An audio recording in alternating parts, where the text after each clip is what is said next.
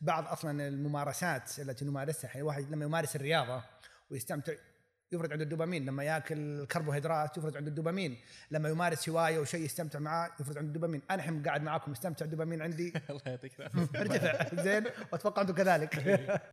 فجزء من العلاج دور الأسرة وهذه أيضا زي ما قلنا بعض الأسر يعتقدون أن المشكلة أن الموضوع فقط عند الفريق العلاجي. خذوه ضبطوا لنا إياه رجعوه. لا مش الموضوع بهذا بهذه السهولة. الموضوع عملية تكاملية. أحد القصص التي ذكرت أثناء بحثي طلعت عليها أثناء بحثي في هذا الموضوع إن أحد الأشخاص كان يستعد لمقابلة وظيفية وهذه المقابلة كانت مصيرية بالنسبة له. يعني من زمان يبغى الوظيفة هذه صار له فترة ما عنده وظيفة وعنده ديون وعنده عنده عنده كان عنده إشكالية إنه إيش؟ إنه مدمن على الأفلام الإباحية. وقرر إنه خلاص حتوقف علشان أبغى أركز في عملي أبغى أشتغل. يعني الم- الموضوع كان ماخذ وقته وجهده توقف لفترة. يوم يومين ثلاثة أربعة خمسة خلاص إلين ليلة المقابلة. على أساس إني بكرة المقابلة. ليلة المقابلة قال بس بفتح بشوف مقطع. فتح ما وقف إلا بعد ما انتهت المقابلة. مر علي. أنا أتكلم عن أشياء مرت علي. الأم أحضرت الابن كان عمره تقريبا 17 ما, ما مش متذكر بالضبط إذا كان ثالث ثانوي أو بداية الجامعة. أعراض اكتئاب. اكتئاب. لما بحثنا الولد مدمن ألعاب مدمن.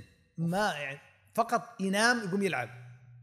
فقط الأكل تحطه له قدامه تقول تشيل منه أكل شوي فليه الآن المخ ترى مهما كان. الإدمان. مصطلح لم يفهم بالطريقة التي يستحقها. مدمن اليوم لا يعرف أنه مدمن.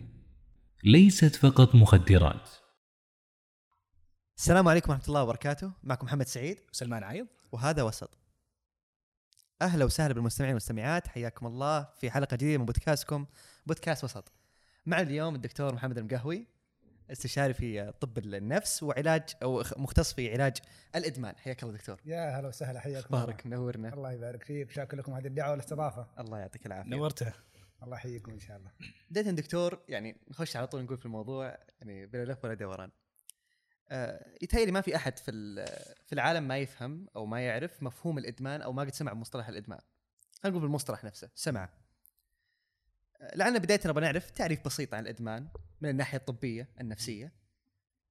ونقطة أخرى أيضا قضية هل هذا الإدمان شيء فعلا محسوس شيء فعلا موجود؟ يعني له آثاره العضوية في الجسم في العقل في النفس؟ ولا هو عبارة عن وهم يخلق الإنسان لنفسه؟ يعني ممكن نقول إنه يعني يعتقد إنه هو مدمن بس ما في شيء يعني هو فقط كلام.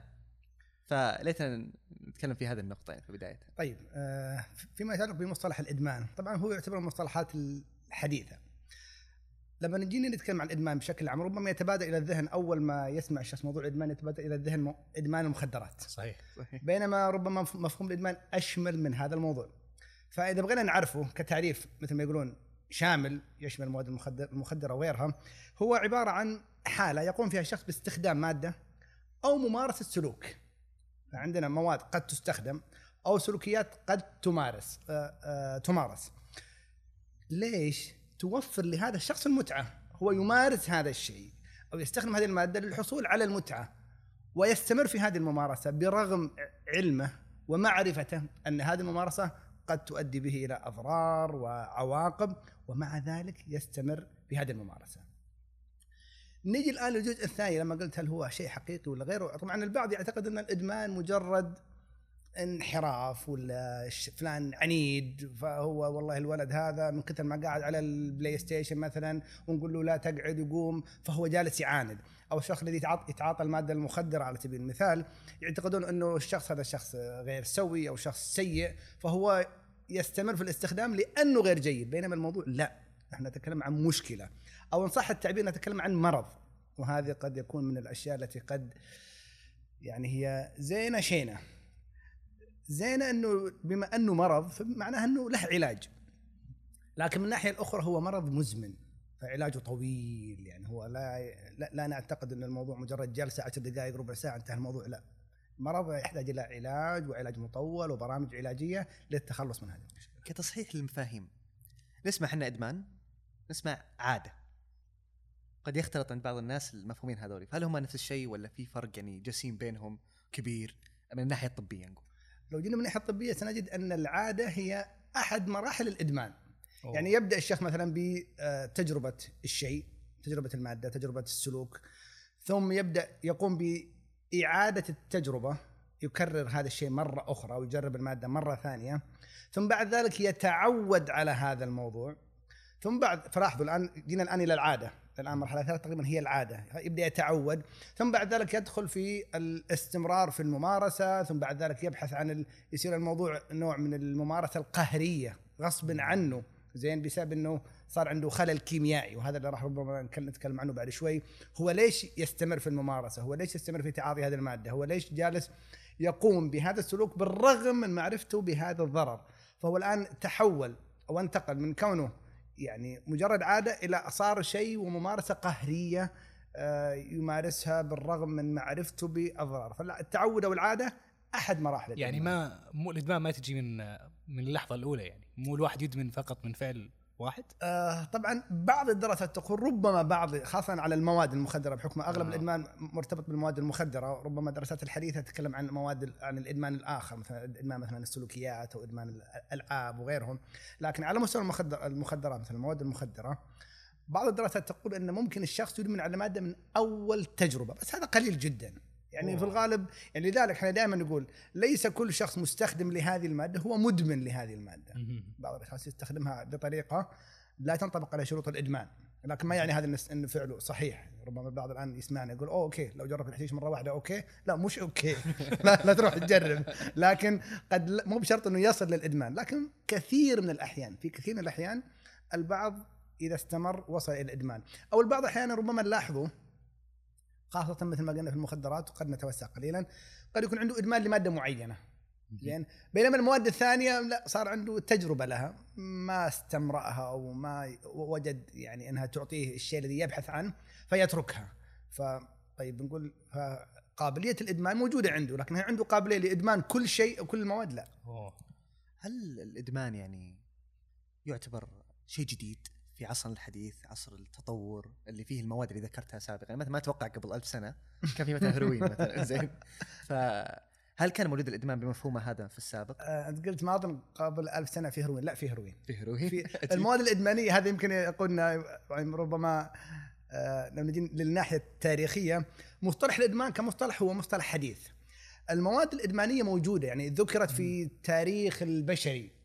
المواد الإدمانية. مثلا بعض بعض الأبحاث القديمة تقول إنه مثلا بعض الكهنة كانوا يستخدمون بعض المواد في طقوسهم الدينية. أوه. يدخلون في حالة من يسمونها ترانس أو حالة من إيه.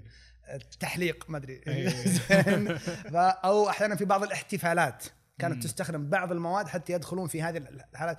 ذيك مواد كانت تستخدم مواد إدمانية. ممكن حتى مثال يعني إنه شيء قديم الإدمان موجود من قديم يعني من زمان اللي هو موضوع الخمر.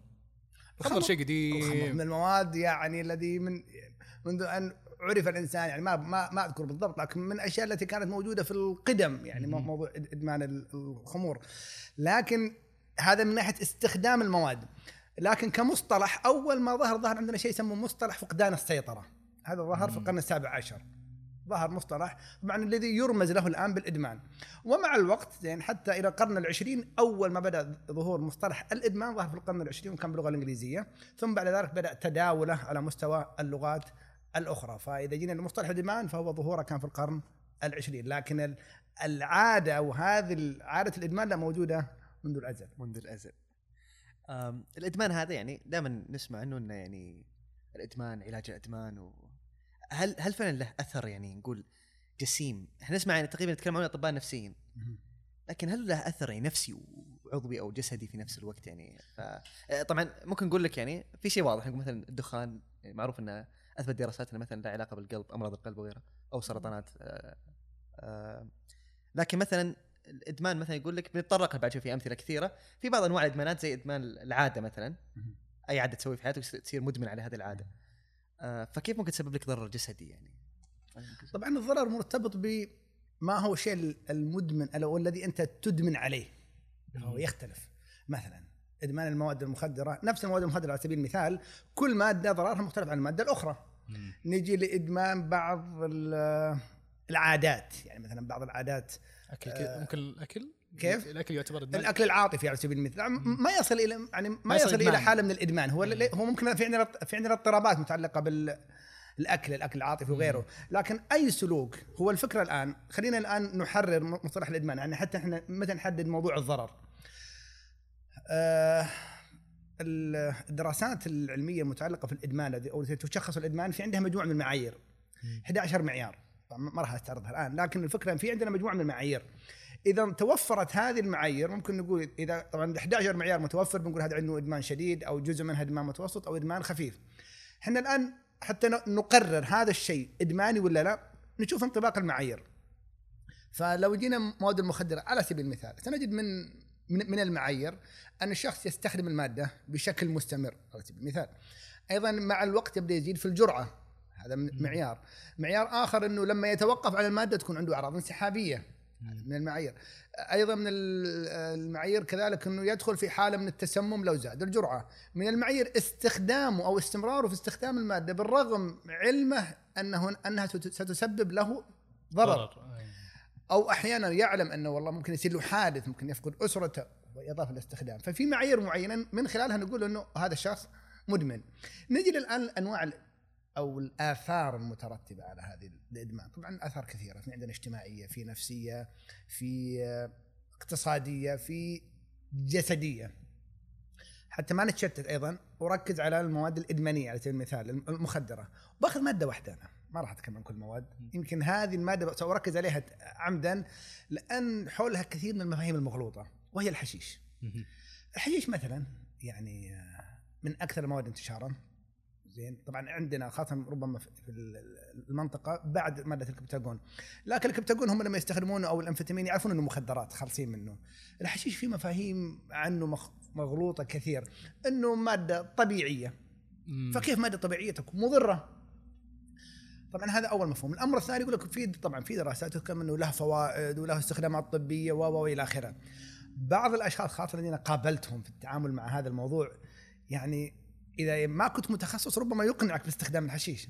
بل في بعض المقاطع على اليوتيوب آه لو شفتها؟ يعني الله يستر انتبهوا فليش؟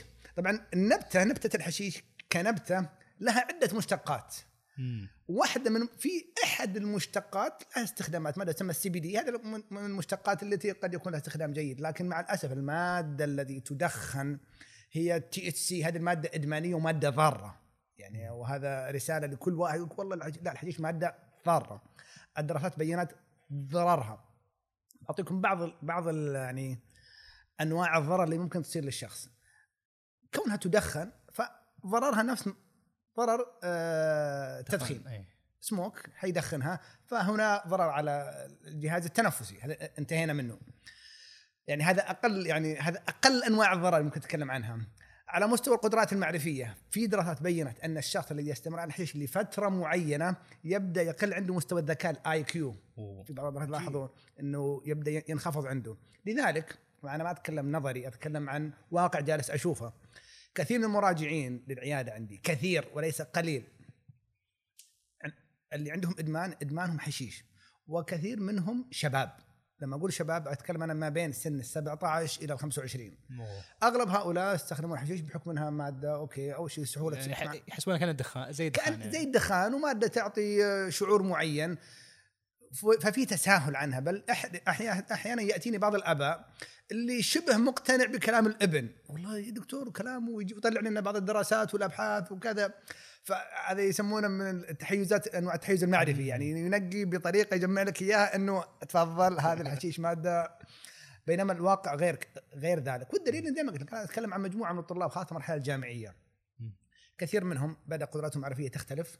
صار عندهم شيء نسميه إحنا A motivational syndrome هو فقدان الدافعية وفقدان الحافزية. بعضهم حتى لما يتعالج ويتحسن ويترك الحشيش ما ترجع له الدافعيه اللي كان عنده الحماس فتجد عنده صعوبة مثلا في العودة إلى مقاعد الدراسة أو إنه يحضر المحاضرات أو إنه إذا رجع إنه يركز أو استيعابه يظل عنده بعض الآثار قد تمتد لشهور واحيانا ربما لسنة أو أكثر من ذلك. وهذا من الأشياء الخطيرة جدا يعني إنه okay هو الآن ترك المادة لكن في آثار لا زالت مستمرة معه. في حالات كثيرة والان تتكلم عنها كثير من الدراسات بدأت في دراسات تقارن بين الحشيش واحتمالية الإصابة باضطراب الفصام، اضطراب الفصام هو اسوء الاضطرابات النفسية، يعني خلاص يصير عنده شخص فاقد يعني تؤثر على قدراته المعرفة، يبدأ يصير عنده نوع ما يسمى بالضلالات، يتخيل أشياء هلاوس ولا- اعتقادات ضلالات وهلاوس، الضلالات يكون عنده اعتقادات غير حقيقية إنه مراقب في أجهزة تصنت عليه، اعتقاد هذه من آثار الحشيش. هذا ق- هذا ممكن تحصل. طبعا هذا ممكن مع كل المخدرات ممكن تصير. مم. بس أنا مركز على الحشيش لأنها مما عمت البلوى به مثل ما يقال. فقد تحصل مرت عليه حالات عندهم اضطرابات ذهانيه بعض الحالات التي مرت علي بعض الأشخاص اللي بدأ موظف ترك الوظيفة والله الموظفين ورئيسي في العمل يتآمرون علي يتآمرون ضدي. اللكر حقي أو الدولاب يفتحونه يحطون لي فيه شغلات. فبدأ يترك العمل. بعضهم صار عنده هلاوس. سمعية أو بصرية يسمع أشياء ما حد يسمعها ويشوف أشياء ما حد يشوفها. هذا كله بس كمان هذا فقط الحشيش الذي يعتقد أنها مادة سهلة وبسيطة. طبيعية. فلما نجي نتكلم عن الضرر الضرر كل مادة لها أضرار كثيرة. لكن أنا تعمدت ركت على هذه المادة مثل ما قلت لكم. انتشارها. خاصة بين الشباب. أيضا الأمر الثالث هو وجود مفاهيم مغلوطة عنها إنها مادة طبيعية وماده ومادة طبيعية هذا كيف تؤثر؟ لا مادة صحيح طبيعية لكن الم- ال- المكون الذي تستخدم فيه أو المكون الإدماني ضار جدا وآثاره سيئة. بس يعني بشكل عام يعني الواحد لما يشوف الآثار هذه يعني ما أتوقع إنها تخفى على على بعض الناس نقول حسن الظن في المجتمع إن في ناس يعرفون بهذا المعلومات يعني. طب شلون يعني لو قلنا شخص مدمن على أي نوع من أنواع من المواد يعني على سبيل المثال نقول أقرب مثال مثلا زي تدخين تدخين سجائر هو يعرف وعلى قرار يعني يعرف ان إن هذا قد يسبب مشكلة في صحته وكذا. ليش ليش هو مو يفكر ويقول يعني آه، عقله يقول له وقف؟ يعني أنت قاعد تدمرني وتدمر جسمك وكذا وقف. هل هو فعلا مش قادر يوقف؟ يعني هل هل عقله مش قادر يسيطر على على يعني على هذا الإدمان؟ ولا؟ طيب ممتاز. هذا سؤال جميل. ليش؟ لأن فعلا زي ما قلت العقل والمنطق يقول شيء ضار ليش أنا أستخدمه؟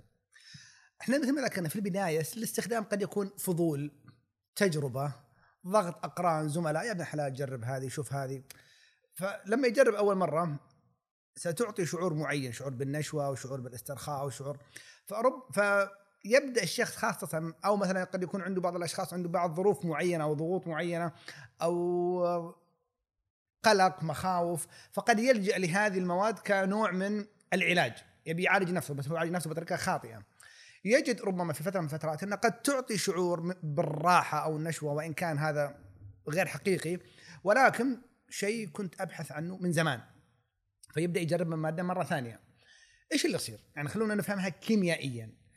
المواد هذه المواد الإدمانية تعمل تعمل في مناطق معينة في الدماغ فتفرز مادة الدوبامين، مادة الدوبامين هذه تعطي شعور المتعة والبهجة والوناسة واحد لما يكون مبسوط الدوبامين يكون عنده عالي. بعض أصلا الممارسات التي نمارسها يعني الواحد لما يمارس الرياضة ويستمتع يفرز عنده الدوبامين لما ياكل الكربوهيدرات يفرز عنده الدوبامين لما يمارس هواية وشيء يستمتع معاه يفرز عنده الدوبامين. أنا الحين قاعد معاكم مستمتع الدوبامين عندي. الله يعطيك العافية. ارتفع. زين وأتوقع أنتم كذلك. في الممارسات هذه تفرز فيها مادة الدوبامين فتعطي شعور بالنش البهجة فشوف الواحد يكررها. المواد الإدمانية تفرز مادة الدوبامين لكن بجرعات أعلى. هو الآن وصل لما جرب المرة الماضية شاف الدوبامين عنده ارتفع بمستوى عالي. لما يروح الآن يبدأ يمارس الممارسات العادية الأخرى كالرياضة أو الجلوس مع الزملاء أو ما تعطي نفس النشوة التي تعطيها تلك المادة. فيذهب ياخذها مرة ثانية حتى فيدخل طبعا هذا يحفز عنده شيء نسميه نظام المكافأة في الدماغ. فانا أبغى تبغى الدوبامين؟ خذ المادة هذه. تبي الدوبامين؟ خذ المادة هذه. فيبدأ يستخدم المادة هذه طبعا مع الوقت حتى كمية الدوبامين التي تفرز لا تتوافق مع لا تعطي الشعور المطلوب فيزيد المادة. يزيد الجرعة. مع الوقت ربما يبدأ خلاص المادة ذي ما خلاص هذه هذا حدها معاه. فيبدأ يدخل مواد ثانية حتى يجرب شعور ثاني. فهنا الآن هذا نظام المكافأة يعمل فقد يكون هذا السبب. أمر آخر مركز اتخاذ القرار. وهذه نقطة جدا مهمة. طبعا ال- المواد الإدمانية مش فقط ليس فقط مجرد سلوك عادي لا هو في كيمياء في الجسم يحدث في تغيرات في مناطق في مراكز الدماغ. من ضمنها ما يسمى prefrontal cortex الفص الأمامي أو الجبهي. هذه المنطقة هي مسؤولة عن اتخاذ القرارات. أنا ذكرت قبل شوي لما تكلمنا عن معايير تشخيص مثلا تشخيص الاضطراب الادمان إنه الشخص يستخدم برغم معرفته بوجود الأضرار والعواقب. طيب الآن هذا عارف لكن مركز اتخاذ القرار والعواقب هذه المنطقة تأثرت. فنظرته للعواقب ونظرته للأضرار مختلفة عن الشخص الطبيعي والشخص العادي. فما لا. يرى ان الموضوع سهل بسيط موضوع تطرد من الجامعة لا لا إن شاء الله ما. الأمور سهلة حتى لو طردوني أقدم في جامعة ثانية ما يرى العواقب بالشكل الصحيح. لا يقدر الأمور لا يعطيها يعني الميزان الحقيقي يعني مرت مروا عليه أشخاص جلس معاه رئيسة في العمل رئيسة في العمل استدعاني وجاب قال له ترى الآن لو طلعت من. كان داخل أحد البرامج العلاجية فقالوا له الآن حنا بنعالجك. نحن يا جهة عملك راح نعالجك وحنا معاك وندعمك قلبا وقالبا. بس كمل البرنامج العلاجي. قام ومشى. بتفصل. ما عندي مشكلة أفصل. إلى هذه الدرجة. يعني هو يعلم يقينا إنه لو طلع وما كمل واستخدم المادة راح يفصل. لكن لأنه أصلا منطقة القرار واتخاذ القرار صحيحه تأثرت فلا يحسب حساب العواقب ما يفكر بقيمة العواقب يصير هدفه فقط النشوة التي يريد أن يحصل عليها. طبعا هذه مراكز وهذه إشكالية مهمة. متى طبعا حتى تتعافى هذه المناطق تحتاج وقت. لذلك برامج علاجية لما قلت أنا قبل شوي مرض مزمن أو طويل حتى تتعافى هذه المراكز أو هذه المناطق تحتاج وقت. لذلك طبعا طبعا أنا أخشى أن البعض قد يعني أنا قبل فترة قبل كم يوم كان عندي نقاش مع أحد الأشخاص قال والله أنتم جاني إحباط. حسيت إنه ما في لا لا لا هو في أمل. هناك كثير من المتعافين. عندنا في المجمع كثير من الحالات التي توقفوا لسنوات. زين. ومارسوا حياتهم بالشكل الطبيعي وتزوجوا وعندهم أسر ووظائف رائعة. لكن الموضوع يحتاج مجاهدة. الموضوع مش فقط إني والله أقرر اليوم حابطل لا. في طبعا في آليات ممكن نتكلم عنها. فلكن فلكن هذا التعافي يحتاج وقت. هذه المراكز حتى تبدأ تعمل بالشكل الطبيعي تحتاج وقت من التوقف عن المواد الإدمانية، فهذه الفكرة إنه ليش الشخص بالرغم من معرفته من الضرر إلا أنه يستخ... يستمر في الاستخدام. طيب آه لما ج- الحين دخلنا بجانب شوي ال- ممكن اللي هو تقول المراكز العلاجية وأثرها بالعلاج، طيب هل نظرة المجتمع نفسها آه ونظرتها للمدمنين والإدمان هل لها أثر في العلاج للمدمنين؟ طبعا أكيد يعني أعطيك آه، واحدة من الدراسات التي تكلمت عن هذا الموضوع. لما بحثوا عن أكثر الأسباب اللي تخلي الشخص يستمر في التعافي، على فكرة إحنا نسمي الشخص الذي يتوقف عن الإدمان متعافي وليس متشافي وليس شفاء، آه جميل. لأنه الشفاء خلاص يعني شيء راح. مثلا إنفلونزا واحد يتشافى منها. لكن الضغط والسكر لا ما يتشافى. هو يكون متعافي ما دام إنه ملتزم بالأدوية والعلاجات والبرامج والأكل الصحي والرياضة فهو يكون متعافي. نفس الشيء موضوع الإدمان. فأغلب الأشخاص الذين يستمرون في التعافي في إحدى الدراسات تكلمت السبب الرئيسي كان عدة أسباب. السبب الرئيسي وجود شبكة من الدعم والعلاقات الاجتماعية. طبعا أهمها الأسرة. وهنا نلاحظ أحيانا بعض الأشخاص الذين يستمرون في التعافي سنجد عندهم فعلا عنده شبكة دعم اجتماعي رائعة على مستوى الأسرة، على مستوى البيئة، أحيانا حتى مش فقط على مستوى الأسرة ال ال يعني ال- القريبة فقط الأب والأم بعضهم تجد عيال عم والعيال خال والخوال والعمام تجد كل ما كبرت الدائرة التي تدعم كل ما ساهم هذا في دعم أو استمرار عملية التعافي والعكس صحيح. بعض الأشخاص الذين ينتكسون أو كثير من ينتكسون ويراجعوننا تجد إنهم لا يجد الاحتواء. مجرد إنه يروح للبيت طبعا أول شيء قد لا لا يتقبل في مجتمع الأسرة هذا المدمن هذا السيء هذا هذا هذا كذا. طبعا أوكي هو اللي سواه قد يكون خطأ لكن إحنا لابد إن إحنا ندرك أننا نتعامل مع مريض. فأنا أفرق لما لما أنظر له كمريض غير لما أنظر لما هو شخص سيء. قد يكون السبب الأول للاستخدام انحراف سلوكي أو عناد أو تهور وارد كبداية. لكن بما أنه استمر في الموضوع هذا وصار إنه فاقد للسيطرة هو الآن مريض. فأنا دائما أقول لما تتعامل مع شخص يسوق سيارة وكان مسرع وصار له حادث وتكسر من فوق لتحت ودخل مستشفى هل بتروح تقول تستاهل؟ آه لا.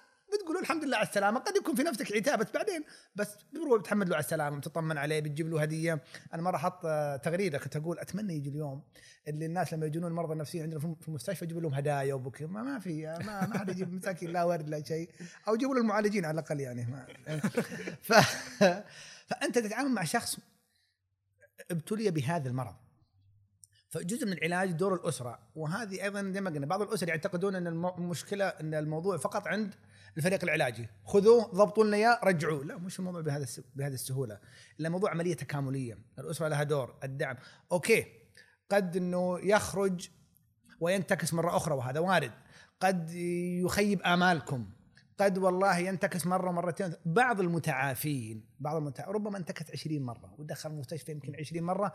في المرة الواحد والعشرين صلح حاله. فإحنا ما ندري متى ينصلح حاله. لكن يحتاج الموضوع إلى صبر. فأنتم ما تزهقون منهم يعني. والله عندنا بعض الأشخاص الذين يدخلوا إلى 60 مرة أو أكثر. إحنا ما عندنا مشكلة. إحنا بالنسبة لنا كمعالجين ما عندنا أي إشكالية. المهم الأسرة. الأسرة هم اللي نقول لهم طاولوا بالكم. طبعا أنا ما أتكلم الموضوع ربما بعض الاسر يقول لك اي اللي يده في النار في الموية مزي. هو أكيد في معاناة.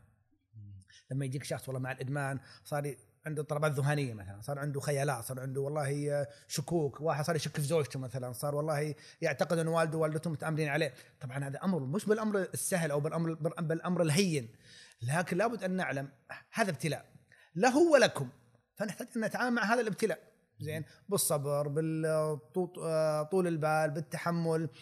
okay اتخاذ كافة الإجراءات نعالجه يعني من أسوأ الأشياء التي تزعجنا كمعالجين ونلاحظها. بعض الأسر اللي يأتون بأبنائهم أو يقول خلاص خلوه عندكم ما راح ناخذه. وفعلا بعض الأشخاص يظل عندنا شهرين ثلاثة ستة بعضهم سنة تعاني في إخراجه.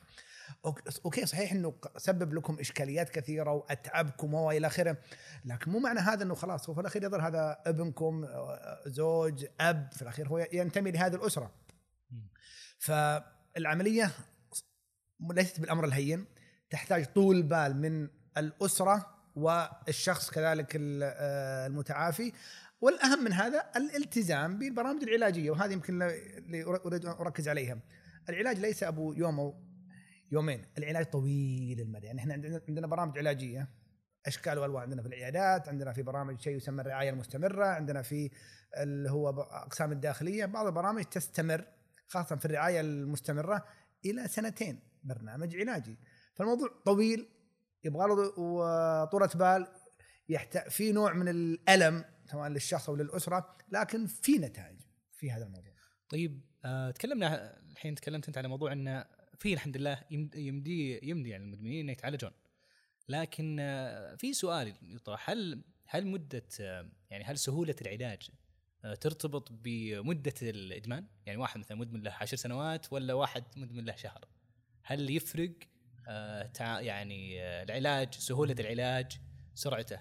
هل آه، تفرق بينهم ولا؟ طبعا في فرق. يعني أول في في عدة عوامل، أول شيء مثل ما قلت المدة. واحد توه توه وقع في الإدمان من شهرين ثلاثة غير واحد صار له مثلا ثلاث أربع سنوات أو أو عشر سنوات مدمن، واحد مد شخص مدمن لمادة واحدة غير شخص مدمن لعشر مواد. يعني هذه أيضا آه، في فرق. في فرق بين واحد والله مدمن بسبب ظروف معينة مر فيها وصار مو زي واحد لا والله من باب التجربة والترف. فرق بين واحد والله مدمن في بيئة زين يجد فيها الدعم وما حوله ناس مدمنين وبين واحد في بيئة كل اللي حوله يتعاطون. يعني أحيانا بعض الأشخاص لما تقول له okay تحط له برنامج علاجي يقول لك يا دكتور كل زملائي في العمل يتعاطون عيال عمي يستخدمون. حارتنا يعني طبعا التعافي هذا يكون صعب جدا. يعني ما أقول مستحيل صعب في صعوبة. ففي عدة عوامل تساهم في هذا المادة المدة البيئة الظروف. طبيعة الشخصية.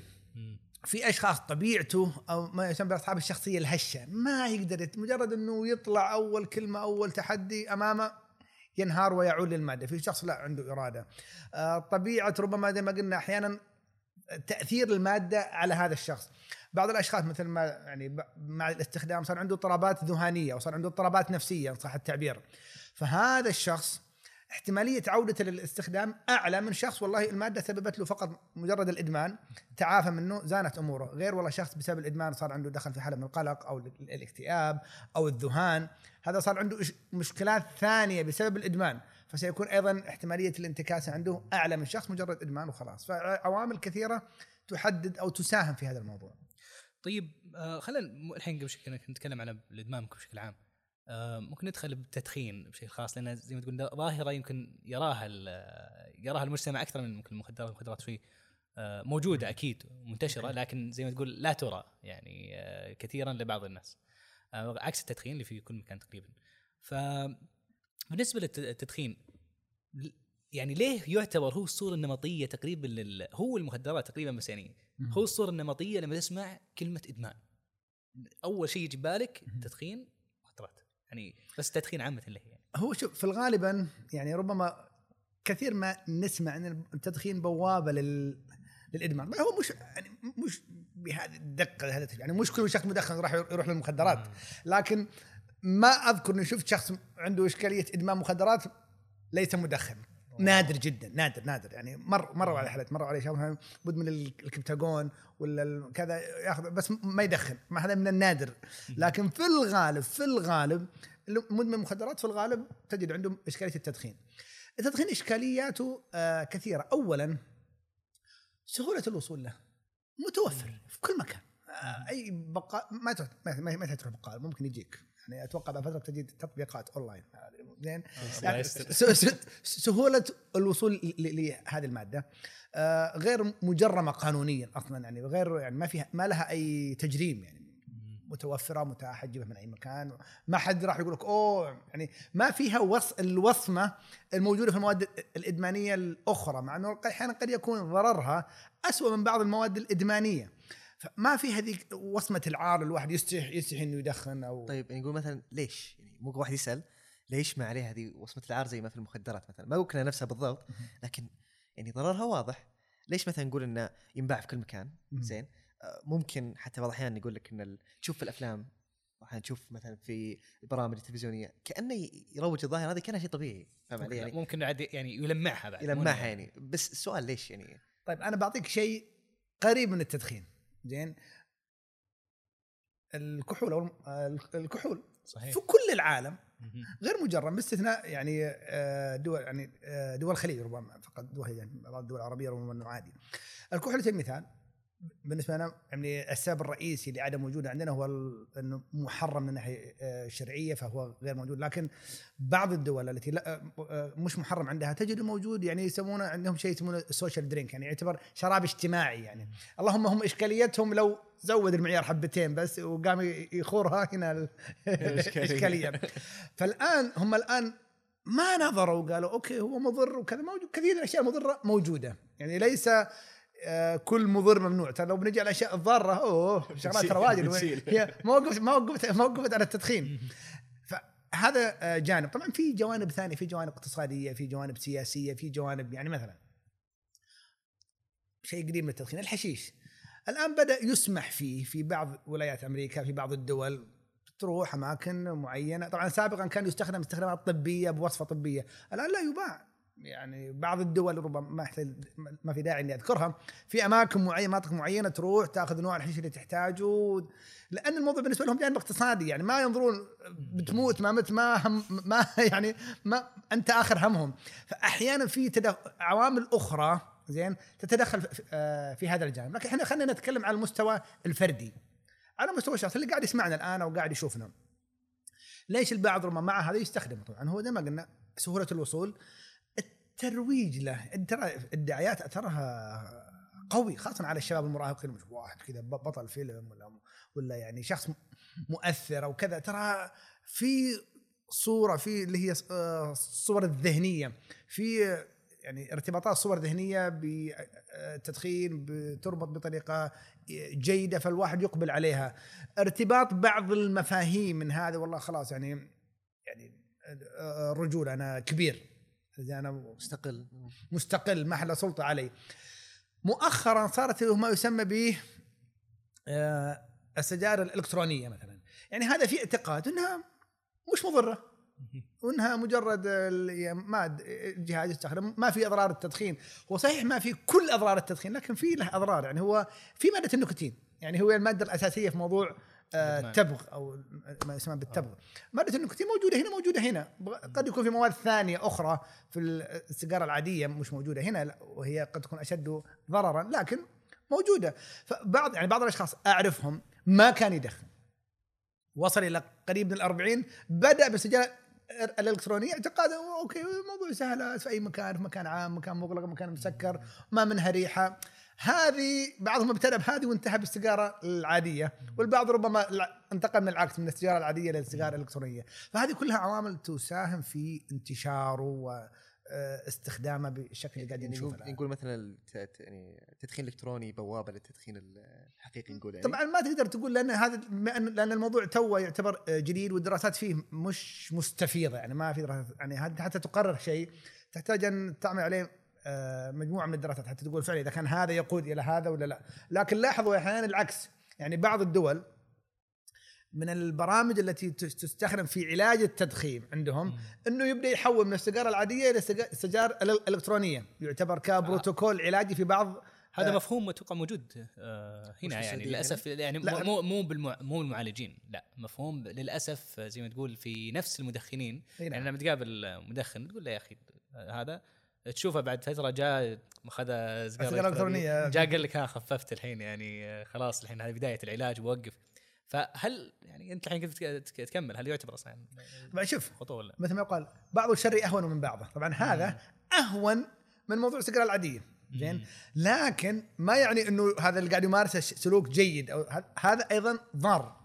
وفي أيضا بعض الدراسات تتكلم عن الأضرار. مثلا بعضهم كان يتكلم عن أضرار مثلا المواد التي تستخدم. يعني لو جينا للسيجاره الإلكترونية مثلا بعضها طريقة تصنيعها ليست احترافية تصنع في أماكن عامة أو أو المواد نفسها المستخدمة قد ما تكون مواد نقية قد تكون مواد لها بعض المواد العطرية المواد اللي هي الروائح النكهات هذه قد تكون مواد مصنعة قد يكون لها أضرار. فالآن هو أوكي ما أخذ الضرر من السيجاره العادية لكن الآن في أضرار لأن هنا في مواد. مدى جودة المواد المستخدمة مدى يعني نحتاج أيضا حتى نحتاج كذلك وقت أكثر حتى تظهر دراسات أكثر حول هذا الموضوع. لكن بالجملة هي أقل ضررا لكن لا يعني هذا أنها غير ضارة. طيب هنا هنا يعني شيء عجيب ممكن نقوله اللي هو موضوع آه، تلاحظ بت- في يعني حملات توع... آه، تقول توعية كبيرة للتدخين وأضراره والموضوع ال- يعني السرطانات وحتى بالباكيتات. تشوف يعني حاط يعني صور مثلا مهترئه يعني من التدخين ولا أشياء مخيفة يعني. تشوف أصلا تقول كيف الواحد يبقى له نفس يشوف شيء هذا ويروح يستخدمه. إي ف ولا صارت عليه بعد بعض النكات اللي يقول لك آه، جيب لي شيء لا جيب لي حق القلب جيب لي مثلا حق ال- يعرف إن كلها فيها أيوة، اضرار أيوة، بس يبغى أيوة. يغير. فايش رأيك في هالموضوع؟ طبعا هذا ربما شوف هذا أيضا له يعني أو السبب مثل ما ذكرنا قبل شوي عن موضوع المخدرات. طبعا التدخين لما جاء في الدليل التشخيصي الرابع المراجع هذا أحد احد الأدلة التشخيصية. آه ذكر إنه طبعا هو يصنف من ضمن المواد المخدرة يعني إحنا لما من يقرأ في موضوع المخدرات أو الإدمان سيجد سيجد المواد المخدرة كذا وسيجد من ضمن الإدمان إدمان آه، آه، آه، التدخين أو بالذات كان سابقا التبغ الان التدخين الس- الس- السجائر ال- ال- الإشكالية واحدة والمفهوم واحد يحفز مركز المكافأة. مادة آه، النيكوتين إذا تدخل الجسم تطلق مادة الدوبامين. فالدوبامين نفس الشيء اللي هو يعطي شعور بالبهجة شعور بالاسترخاء. طبعا هو الماده هذه تساعد أيضا في تخفيف التوتر في تخفيف القلق. ما حد ينكر هذا تخفف. لكن فهو الآن هذا الشعور وزي ما قلنا كل مرة الآن يبغى الدوبامين إيش؟ يدخن يدخن نيكوتين فهي الآن خلاص نيكوتين يدخل دوبامين يرتفع. مع الوقت فيصير خلاص الجسم الآن تعود على مستوى معين من الدوبامين أو مستوى معين من النيكوتين. فهذا اللي يخلي الشخص يستمر في استخدام هذه المادة مرة بعد مرة. لما نلاحظ أيضا مثلا لما يتوقف الشخص في أعراض انسحابية حتى في التدخين التوتر العصبية صداع فقدان الشهية. في ففي بعض آه، أو عفوا هم في البداية يصير فقدان الشهية بعدين تزداد الشهية عنده. فبعض الآثار الانسحابية هذه هو حتى يوقفها شو يسوي؟ يروح يدخن سيجاره ثانية فالموضوع كيميائي لذلك حتى التوقف عن التدخين هو مش فقط مجرد إنه يوقف اليوم ثاني يوم بيصحى طبيعي. لا في معاناة ستستمر معه لأيام ربما ل يعني أسابيع وهذا يختلف من شخص إلى شخص حسب مدة الاستخدام. لذلك الآن في بالذات علاج التدخين ما في برامج آه، علاجية مختلفة. في اللي هو برامج السلوكيه التاهيليه في اللي هي الآن موفرتها وزارة الصحة مجموعة من البدائل. في مثلا آه، نيكوتين باتش اللي هي لزق بحيث إن هذه تقوم بإفراز ماده النيكوتين بدرجة معينة ومستوى معين بحيث انها مع الوقت بحيث إنها تخفض الاعراض الانسحابيه في بعض الحبوب التي تستخدم في- في بدائل تستخدم لفترات معينة بحيث إن الشخص يتجاوز الآثار الانسحابية الناتجة عن استخدام هذه المادة. ولكن زي ما قلنا هو يستخدمها في شعور معين يبحث عنه. يعني غالبا أنا أقول الماده الادمانيه المستخ... الذي يستخدمها لأمرين. إما تخلص من ألم أو. أو بحث عن متعة. فهو إما يبحث عن نشوة معينة أو يتخلص من الألم الناتج عن التوقف والاعراض الانسحابيه فحتى يوقف الألم هذا يستمر. يروح يستخدم هذه المادة فهذا اللي الشخص يستمر. طيب آه ذكرنا قضية في, ال- في الإدمان بشكل عام. يوم قلنا ليش ال- الواحد ما يقدر يتحكم في نفسه في إنه يوقف عن الإدمان؟ هل نفس القضية هنا في التدخين؟ يعني اللي هي قلت اللي هو الفص الأمامي من الدماغ انه يصير في تغييرات يعني كيميائية وبالتالي يشوف الموقف مو نفس اللي يشو- اللي يشوفه الشخص الطبيعي. طبعا في آه. التدخين ربما يكون الوضع أهون شوي خاصة انه ربما أنا أحيانا أدخل في نقاش مع بعض المدخنين. لدرجة أنه يناقشك أصلا في الدراسات الموجودة أنه يسبب سرطان. لا أصلا الدراسات هذه لها مخرج من هنا ولا. شوف مروج. كل شخص يريد أن يبرر سيجد له مئة مخرج ومخرج. بس هل هذا المخرج صحيح؟ يعني في التدخين والمخدرات وكذا. تجد لا الدراسة هذه غير دقيقة هذه عليها ملاحظات هذه عليها كذا.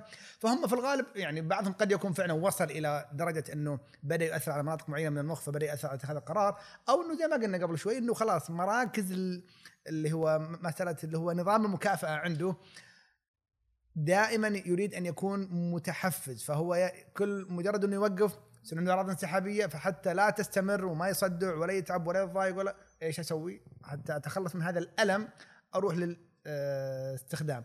في ناس مثلا يدخنون لكن ما وصل إلى هذا المستوى، يعني بعضهم يقول لك والله أنا مثلا يعني مثلا آه، في بعض المناسبات الاجتماعية إذا آه، آه، قدم لي مثلا سيجارة ولا شيشة ولا كذا يجرب لكن ما وصل للإدمان يعني هو ليس بمعنى إنه يوميا إذا ما أخذ راح أتعب راح أتوتر راح أتضايق إني ما أنا يعني هذا ما وصل للإدمان. هذا يعني مثل ما يقولون آه، اللي هو الاستخدام. okay في شيء عندنا هو سوء استخدام. يعني هو الاستخدام لهذه المادة مضر. يعني شيء مش جيد. لكن هل كل مدخن مدمن على التدخين؟ وهل كل مثلا شارب للكحول والخمر هو مدمن على الخمر؟ لا ليس كل شخص. يعني. كحاله اجتماعية يعني. إي يعني بعضهم يقول لك مثلا بعضهم مثلا موضوع آه، الشراب قالوا هو أكثر مثال. كان لما أسافر أنا أشرب. هذا خطأ. متفقين وبالنسبة لنا شرعا محرم. لكن هل هو بنقول عنه مدمن؟ لا هو مش مدمن. هو لما يسافر يعني في كم في كم مرة؟ مرة في السنة مرتين في السنة ما وصل للإدمان. لكن هو أكيد في هذه ال- الكم مرة اللي يشرب في أضرار معينة قاعدة تحصل له. في واحد قد يتأثر من أول مرة. في شخص قد يعني لذلك الناس يختلفون في استعدادهم. يعني في واحد ربما يتعاطى بعض المو... مثلا بعض المواد الإدمانية يتعاطاها لشهر واحد زي الحشيش. وخلال الشهر هذا تظهر عنده أعراض ذهانيه واحد يستخدم عشر سنوات تظهر في السنة الحادية عشر. فأنت ما تدري اولا أنت من أي نوع. هل أنت من ال- أبو شهر ولا أبو عشر سنوات؟ ما تدري استعدادك وتركيبه وتركيبك الجيني من أي نوع. فلا أحد يقول لك والله أنا أعرف فلان. طب فلان ليس معيار. هو في اختلافات بين. وثاني شيء يقول لك أنا بجرب. طب أنت إيش تضمن الذي إنك لما تجرب أنك لا تدمن؟ فهي فيها نوع من المغامرة زين يقول لك والله أنا بجرب مرة واحدة طيب في ناس قالوا بجرب مرة واحدة وسحب خط يعني هل تدخين السجاير نقول له أضرار نفسية؟ يعني ما يتكلمون دائما عن أضرار نفسية بس هل له أضرار نفسية؟ أنا مثل ما ذكرت قبل شوي مثلا غالبا زي ما قلنا خاصه تحصل عند التوقف اللي هي حالة القلق، التوتر، العصبية، عدم القدرة على ضبط الانفعالات، ذي غالبا تحصل عندما يقل مستوى النيكوتين فهو يبدأ يتوتر ويعصب فيروح حتى يوقف هذا الشعور يروح يدخل مادة النيكوتين، لكن على الم- هل قدك على المدى البعيد ممكن يسبب اكتئاب أو قلق؟ لا لا ليس بس من ما زي مثلا نقول المخدرات أو لا،. المواد اللي لا طيب آه، لا نفس الموضوع اللي هو هل الأعراض الانسحابية آه، هذه يعني الحين أسمع أعراض إنسحابية أحس إنه وقف أسبوع بعدين جاته. لا هي ممكن تجي يعني بوقت يعني سريع لأن تسمع مثلا مدخنين في رمضان. أيوه. شوف يعني الح... ال- شوي ال- المجاهده التي في البداية. لا لا. الانسحابيه غالبا هي مرتبطة بمستوى المادة في الدم. فأغلب المواد يظل مستواها مرتفع في الدم لساعات. فمجرد إنه يوقف بعد ساعات معينة تظهر عليه الأعراض الانسحابية. أيضا يعتمد على المادة نفسها وكم صار له مستخدمها والجرعات اللي يستخدمها، يعني مثلا واحد ياخذ سيجاره حشيش في اليوم ويوقف غير واحد ياخذ 15 سيجاره حشيش في اليوم وبعدين يوقف. أكيد أعراض انسحابية. هنا ما راح تكون عنده أعراض انسحابية اللي عند هذا. واحد ياخذ حبة كبتاجون في اليوم غير واحد ياخذ 20 حبة في اليوم وهكذا. واحد ياخذ طبعا آه على فكرة هذه تذكرتها الآن. آه غالبا لما نسمع خاصة على موضوع المواد. المواد المخدرة. لما نتكلم غالبا الناس تروح البال للمواد المخدرة اللي هي الحشيش والكبتاجون والشراب والهيروين والكوكايين مع إن الحين الهيروين والكوكايين هذه يعني يعتبر يعني الكوكايين هذا الطبقه الارستقراطيه الناس. high class. الهيروين قد ما يكون من المواد المنتشرة عندنا لكن بعض الدول قد يكون هو المادة أكثر انتشارا. أنا الآن عندي إشكالية ليست في هذه المواد. وهذه المواد okay ضارة والكل مثل ما قلت عارف ضررها وعارف خطورتها وبدأوا يقلون من يستخدمون هذه المواد. مم. الآن بدأت تظهر مواد ثانية مختلفة تماما بل مش مختلفة تماما مادة مواد موجودة لكن صار يدمن عليها وهي بعض العلاجات الطبية يعني أدوية لها استخدامات طبية صار الآن يدمن عليها على سبيل المثال المهدئات هي مواد اللي هي ما يسمى بالبنزودايزابين يعني زي مادة أنا اخاف أقول أسماء توهق. زين. طبعا معروفة زي ماده مثلا الأتيفان الريفوتريل الزولبديم هذه مواد لها استخدامات طبية. نستخدمها إحنا في الطب النفسي يستخدمونها اطباء الأعصاب يستخدمونها في تخصصات أخرى. لها استخدام طبي بجرعات معينة لفترات معينة بحيث إنه لا يصل الشخص إلى الإدمان. البعض يحصل عنده إدمان على هذه المواد بسبب إنه يبحث عن شعور معين فيبدأ يستخدمها ويدمن عليها. هي ماده طبية. من المواد الطبية المشهورة جدا وخاصه عند الشباب يعني لها انتشار مع الأسف بشكل كبير ماده الزنكس. الزنكس هذه أحد المواد الطبية ال- لها استخدامات تستخدم أحيانا في نوبات الهلع في حالة القلق الشديد يدمن عليها؟ كيف؟ يدمن عليها؟ ويكون يدمن عليها. لذلك هي حتى لما تعطى أو تصرف تصرف بجرعات محددة ولفترات محددة. يعني غالبا نعطي مثلا بالكثير شهر. اذا الحالة تستدعي. ممكن أحيانا ممكن أو عند اللزوم مثلا تستخدم في حالات معينة. من المواد التي قد يدمن عليها مواد مشتقات المورفين زي المسكنات زي الترامال مثلا أحد المواد ال- المسكنة المورفين. هذه مواد مواد مسكنة. بعض الأشخاص اللي عندهم بعض ال بعض بعض الأمراض التي في يكون فيها بعض الآلام الشديدة أو يعني يستخدمون لفترة معينة ثم بعد ذلك ممكن يدمن عليها. آه، من المواد كذلك المشهورة والتي يدمن عليها. طبعا لها استخدامات كثيرة. تستخدم آه، طب آه، ك في علاج بعض أنواع الصرع تستخدم في أيضا كنوع من المسكنات مهدئ مادة اللاريكا اللاريكا هذه قد تكون من المواد التي بادي مع الاسف الأخيرة يدمن عليها. بل مؤخرا قبل تقريبا سنة وأكثر صنفت كمادة مخدرة. يعني اللي يجي المطار وهي معاه وما عنده فيها وصفة يعتبر كأنه مهرب مادة. يعني وضع ضمن المواد المخدرة التي يعاقب عليها القانون. لو الشخص آه، وفي لها اختبارات وتحليل ممكن الشخص هذه الآن مواد ممكن الشخص يستخدمها؟ يقول حق أهله أنا اخذ علاج. وصفة طبية. وفي مع الأسف وهذا قد خلونا أتكلم بشفافية بصراحه بعض يقول الاطباء النفسيين والأدوية النفسية تسبب إدمان. صحيح بعض الأدوية النفسية اللي هي تكلمت عنها جزء منها إذا اسيء استخدامها أو بعض الأشخاص أصحاب الممارسات غير الصحيحه فيها في كل مجال في بعض الأشخاص عندهم ممارسات غير صحيحة سواء في الطب ولا في الهندسة ولا في ربة بعد المهندسين بعد ولا في أي تخصصات ستجد أشخاص يعني مثلا الاستفادة أو كذا بغض النظر عن آه، فائدة الشخص أو ضرره. فقد يؤدي إلى إدمان بعض الأشخاص. فمثل هذه المواد مع الأسف الآن هي في عليها نوع من الإدمان يأتون بعض الأشخاص نعالجهم من هذه ال- المواد فالآن ربما شكل الإدمان بدأ يختلف مش فقط الكوكايين والهيروين وال- لا لا لا الحين هذه قديمه مثل ما يقولون مع إنها لا زالت موجودة لكن الآن المواد الأخرى هذه التي لها استخدامات طبية ممكن أو نجد الآن كثير يأمرون علينا يدمنون على هذه المواد وحجته انه والله أنا أخذها من وصفة ولا أخذها من طبيب ولا يعني شكل من الأشكال. طيب آه، الحين طيب هل الحين إحنا نتكلم ممكن بشكل علاج بشكل عام طيب علاج التدخين ذاته هل في طريقة معينة؟ يعني ولا أشياء تساعد عليه؟ طيب طبعا هو في عندنا نوعين من العلاج، في عندنا ممكن ان صح التعبير علاج سلوكي وعندنا علاج دوائي، مثل ما قلنا في بعض الأدوية الموجودة زين التي فكرتها طبعا هي إيه؟ فكرتها تدور حول فكرتين. فكرة تقليل الأعراض الانسحابية وأيضا فكرة أحيانا يعني يبدأ الشخص يكره طعم أو جو آه، سيجارة. يعني مثلا حبوب الشامبكس التي تصرفها وزارة الصحة في كثير من المراكز الصحية والمستشفيات أو مراكز علاج التدخين لها course معين واستخدام معين. من فكرتها إنه مع الوقت يبدأ الشخص نفسه لما يدخن السيجارة ما يجد ذلك الطعم أو ذلك المتعة فيبدا يكرهها فيتركها فهذه إحدى الطرق أو يعني إحدى الوسائل العلاجية لعلاج آه، آه، السيجارة أو التدخين. العلاج اسمه يسمى بالسلوك المعرفي من خلال أمور كثيرة.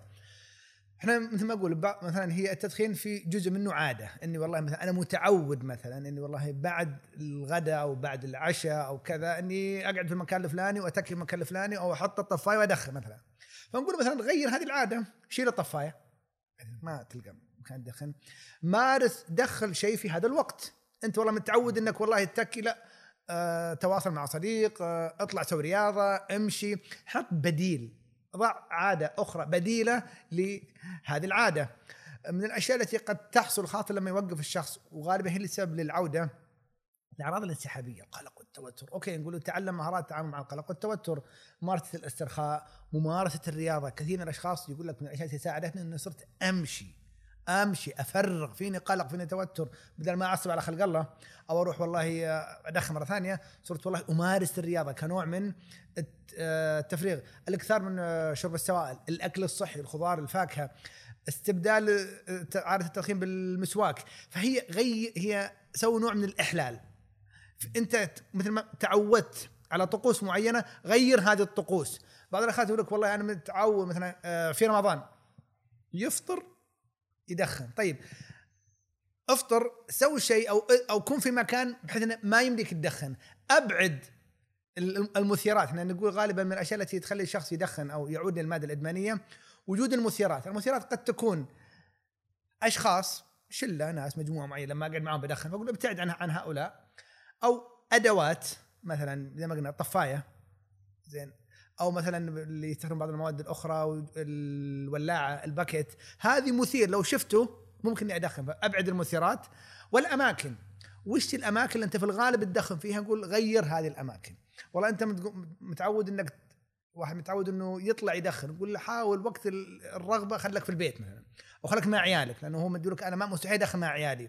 فخليك مع عيالك. خليك مع والدك ووالدتك إذا كان شاب ويبعد خاف ينجلد فيكون قريب من أهله حتى ما يعني فهي تغيير نمط معين. أنت متعود عليه هذا في الغالب أنا لو توفر واحد اثنين ثلاثة أربعة خمسة راح أدخن. أنا أكسر الدائره هذه وأحط شيء مختلف. في كتاب قوة العادة يتكلم عن مثلث العادات وكان ذكر ثلاث محاور هذه ممكن تطبقها في أي شيء في التدخين وغيره. يقول غالبا هناك مثير لو قلنا تخيلنا مثلث بهذا الشكل. هناك مثير وهناك العادة التي أقوم فيها وهناك النتيجة. فمثلا لو جينا بنطبق موضوع التدخين المثير قد يكون توتر. أنا لما أتوتر زين ياخذ يروح يدخن حتى يصل إلى النتيجة الشعور بالراحة راح التوتر. طبعا على افتراض إنه فعلا هو يعالج التوتر. نقول له أوكي إحنا في هذا المثلث ما راح نغير إلا شغلة واحدة. المثير ما ما يمدينا نغير المثير. يعني أنت توترت نسوي خلاص هذا التوتر صار معك والنتيجة أكيد تطمح إلى الوصول إلى حالة الهدوء. طيب أنت سابقا الخيار الوحيد اللي عندك إنك تدخن. الآن طيب نقول له إيش الخيارات الأخرى غير إني أدخن يريحني؟ والله إني ألعب كورة. ألعب كورة. أتروش أتروش. أتصل بصاحبي. أسوي أسبح أركض. سنجد أن هناك طبعا قد لا تكون بنفس الدرجة لكن تأثيرها سيكون تراكمي. يعني إحنا نقول له الآن أنت الدوبامين أول عندك معتمد على النيكوتين. أنت الحين ما راح تدخل له نيكوتين.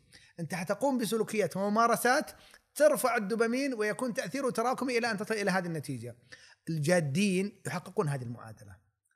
يشتغل يعني آه، يبدأ المثير لا يزال قائم عند البعض. النتيجة لما نقول ما نغيرها okay نبيك ترتاح. نبدأ نشتغل على السلوك أو العادة.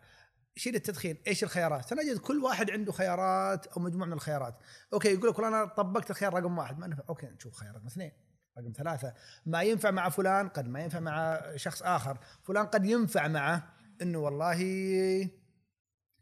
يركض يطلع يسوي رياضة، هذا ربما ينفع معه فما يكون عنده الرغبة. خلاص مجرد إنه يطلع يترك تدخين، واحد ثاني يقول لك لا والله أنا ممكن لو أكلت أو أكلت okay قد يكون شيء خطأ بس أهون. هنا يقول لك والله لو أكلت آه، سكريات شوكولات حلال زين الدوبامين حيطق عنده ألف. okay.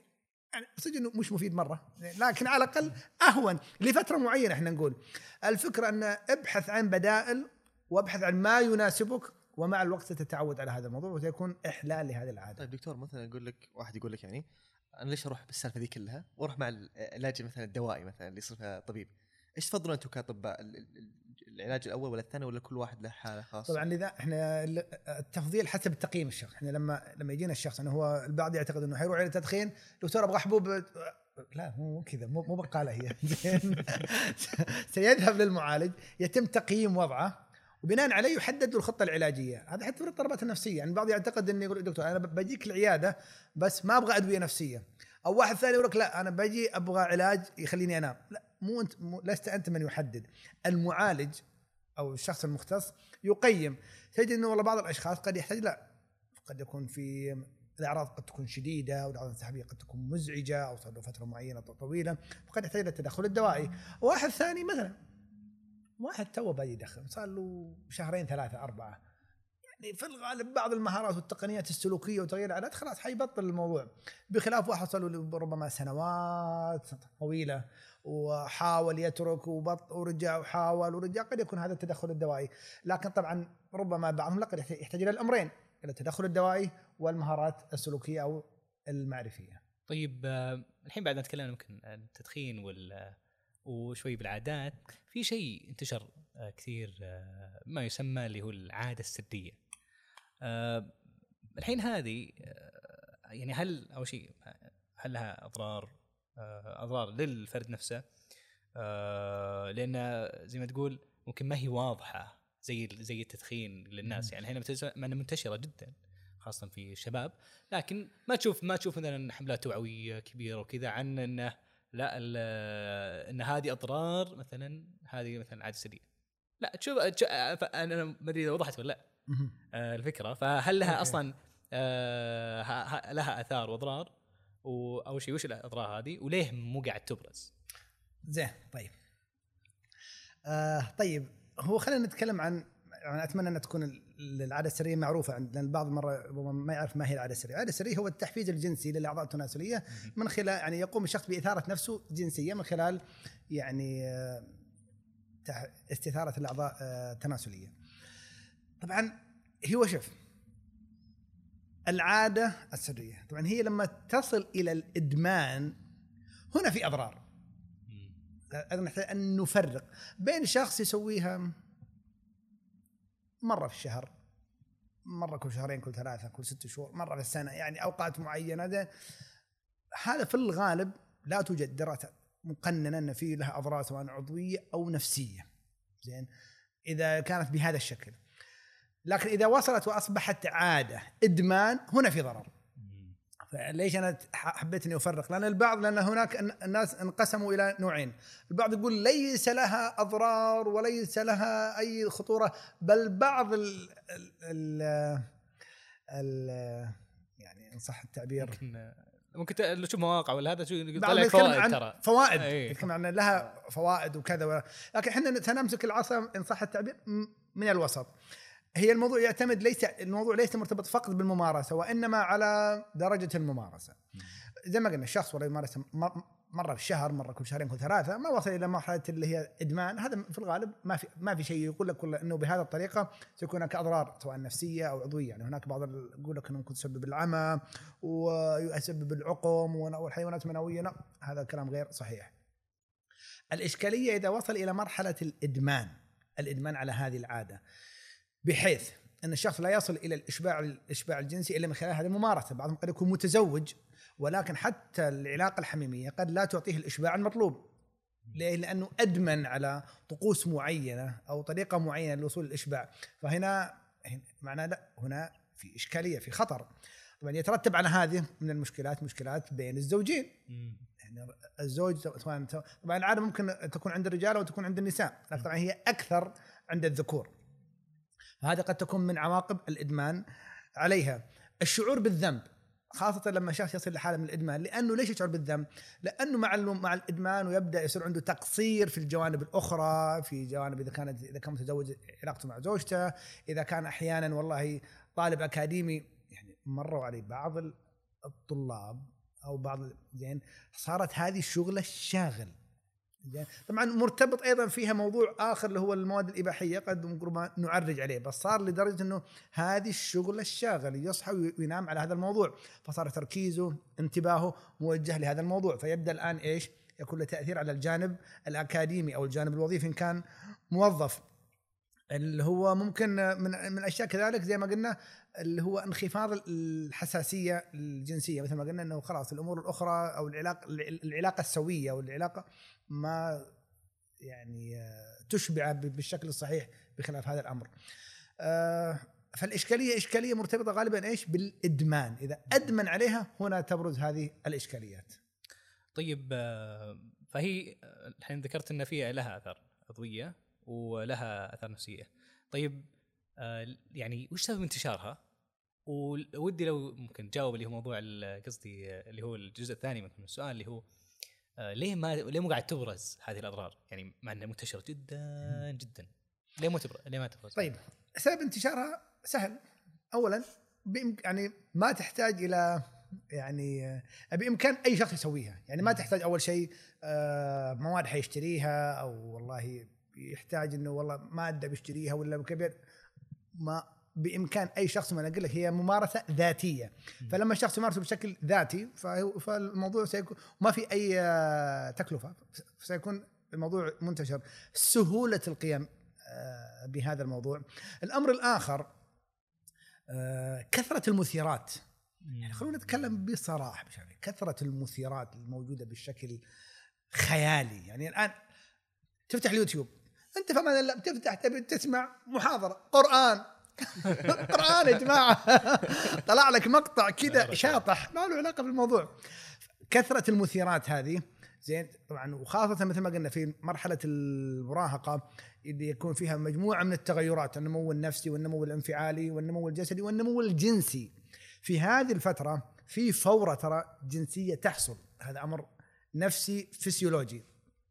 هذه الفورة مع وجود مثيرات فتتضاعف الفورة هذه. فالآن طبعا سابقا الرسول صلى الله عليه وسلم كان يقول جاء في الحديث آه، يا معشر عليكم آه، عليكم آه، يا معشر يا معشر من استطاعكم بقى فليتزوج ومن لم يستطع عليه بالصوم. الحين مساله الزواج اغسل يدك. يا الله. يعني قد ف يعني وسائل التفريغ اللي ممكن مثلا الزواج أو غير متاحه في الوقت الحالي أو ليست متيسرة أن صح التعبير. فهذه كلها عدة عوامل اجتمعت فخلت الموضوع هذا من السهل إني أقوم فيه، كثرة المثيرات، آه، سهولة أيضا الوصول للمثيرات هذه، يعني أحيانا ما يحتاج إن الشخص يبحث عنها. فصار هذا كنوع من التفريغ، نوع من التفريغ اللي ممكن الشخص فعلا ربما جربها مرة فوجد إنه شعر به نوع من الراحة، شعور بالنشوة، بعضهم أحيانا قدم طبعا هو ممارستها لأسباب كثيرة، بعضهم قد ما يبحث عن نشوة أو ربما أحيانا وهذه بعض الحالات اللي مرت علي بسبب التوتر أو أو القلق. ممكن لما يمارسها يشعر بنوع من إنه يخف عنده التوتر يخف عنده القلق. طبعا هذا لا يعني إنه يروح واحد يقول أوه هذا علاج. لا هو ليس علاج. قلنا هو على المدى البعيد بيسبب له إدمان فيدخل في حالة من الشعور بالذنب فيزداد الموضوع سوءا. فكل هذه عوامل ساهمت. طبعا عدم إبراز الموضوع مثل ما ذكرت قبل شوي. اولا ليست هي من يعني من الأمور التي لها مثل ما قلنا أضرار واضحة جلية. مثلا تقول والله العيادات مثلا تقول والله ان العيادات فيها ناس يراجعون والله عنده عنده هذه المشكلة. ما أحد يجيك في يعني في العيادة. على المستوى مثلا لو قلنا على المستوى العضوي ما أظن. ما مر علي في المجال الطبي أو على الزملاء إنه والله مر شخص بسبب العادة السرية صارت عنده أضرار وراح يتعالج. أو بسبب العادة السرية صار عنده يعني إنه وصل إلى حد الاضطراب. إن صح التعبير. قلنا قد يكون فرق بين ضرر وبين مرض واضطراب. لا هنا الوضع مختلف. فإنها ما وصلت إلى هذا الحد أو فعلا مثل ما قلنا هو الموضوع مرتبط بالإدمان. وكم نسبة المدمنين لهذا الموضوع؟ ترى مش نسبة عالية. فرق زي ما قلنا ربما في أشخاص يمارسونها على فترات متباعدة. فهذا في الغالب مثل ما قلنا ما راح يسبب له أضرار. وبين شخص مدمن المدمن هذا سيكون عنده أضرار. لكن في الغالب زي ما قلنا إما الأعداد قليلة ومحدودة ما راح تكون أعداد كبيرة طبعا ما اتكلم أنا عن آه، دراسات ما عندي في الموضوع هذا بالذات دراسات وأبحاث اخذت عندنا هنا لكن ما في أرقام واضحة تبين إن الموضوع وصل إلى الإدمان وصل إلى درجة عالية الأمر الآخر حتى لو وجد يعني الواجد سي- يعني من الأشياء ترى النقطة خلينا نكون سيجد الشخص إنه من العار العيب إني أروح. أقول يا جماعة تراني أنا مدمن فلهذا السبب حتى اسمها سرية. ف okay في توعية لكن أنا أظن التوعية عنها مش متناسبة. ما أدري رأيي هذا آه، رأيي. مع ال يعني آه، درجة مثل ما قلنا الانتشار أو الإدمان. يعني هي قلنا الموضوع مرتبط بالإدمان وليس بال... طبعا لو جينا على موضوع الممارسة لا بنعتبرها. لو بنحسب مثلا كل واحد مارسها مرة أو مرتين سنجد أرقام يعني فلكية أو نسب عالية. لكن إحنا ما نتكلم عن هذا نتكلم عن الشخص اللي وصل إلى درجة من الإدمان لا هذول سيكونون عددهم يعني آه، محدود لكن في تزايد في الموضوع في تزايد. طيب آه، الحين تسميتها آه، الحين هي مسمى الحين المعروف فيها اللي هي عادة العادة السرية. طيب هل تسميتها أصلا عادة؟ هي صحيح ولا لا؟ المفروض لها اسم يعني ثاني يعني طبعا هذه الترجمة العربية يعني هو. بالإنجليزي ما يسم مش يعني هي ترجمتها بالإنجليزي مثلا مش secret habit مثلا مش كذا.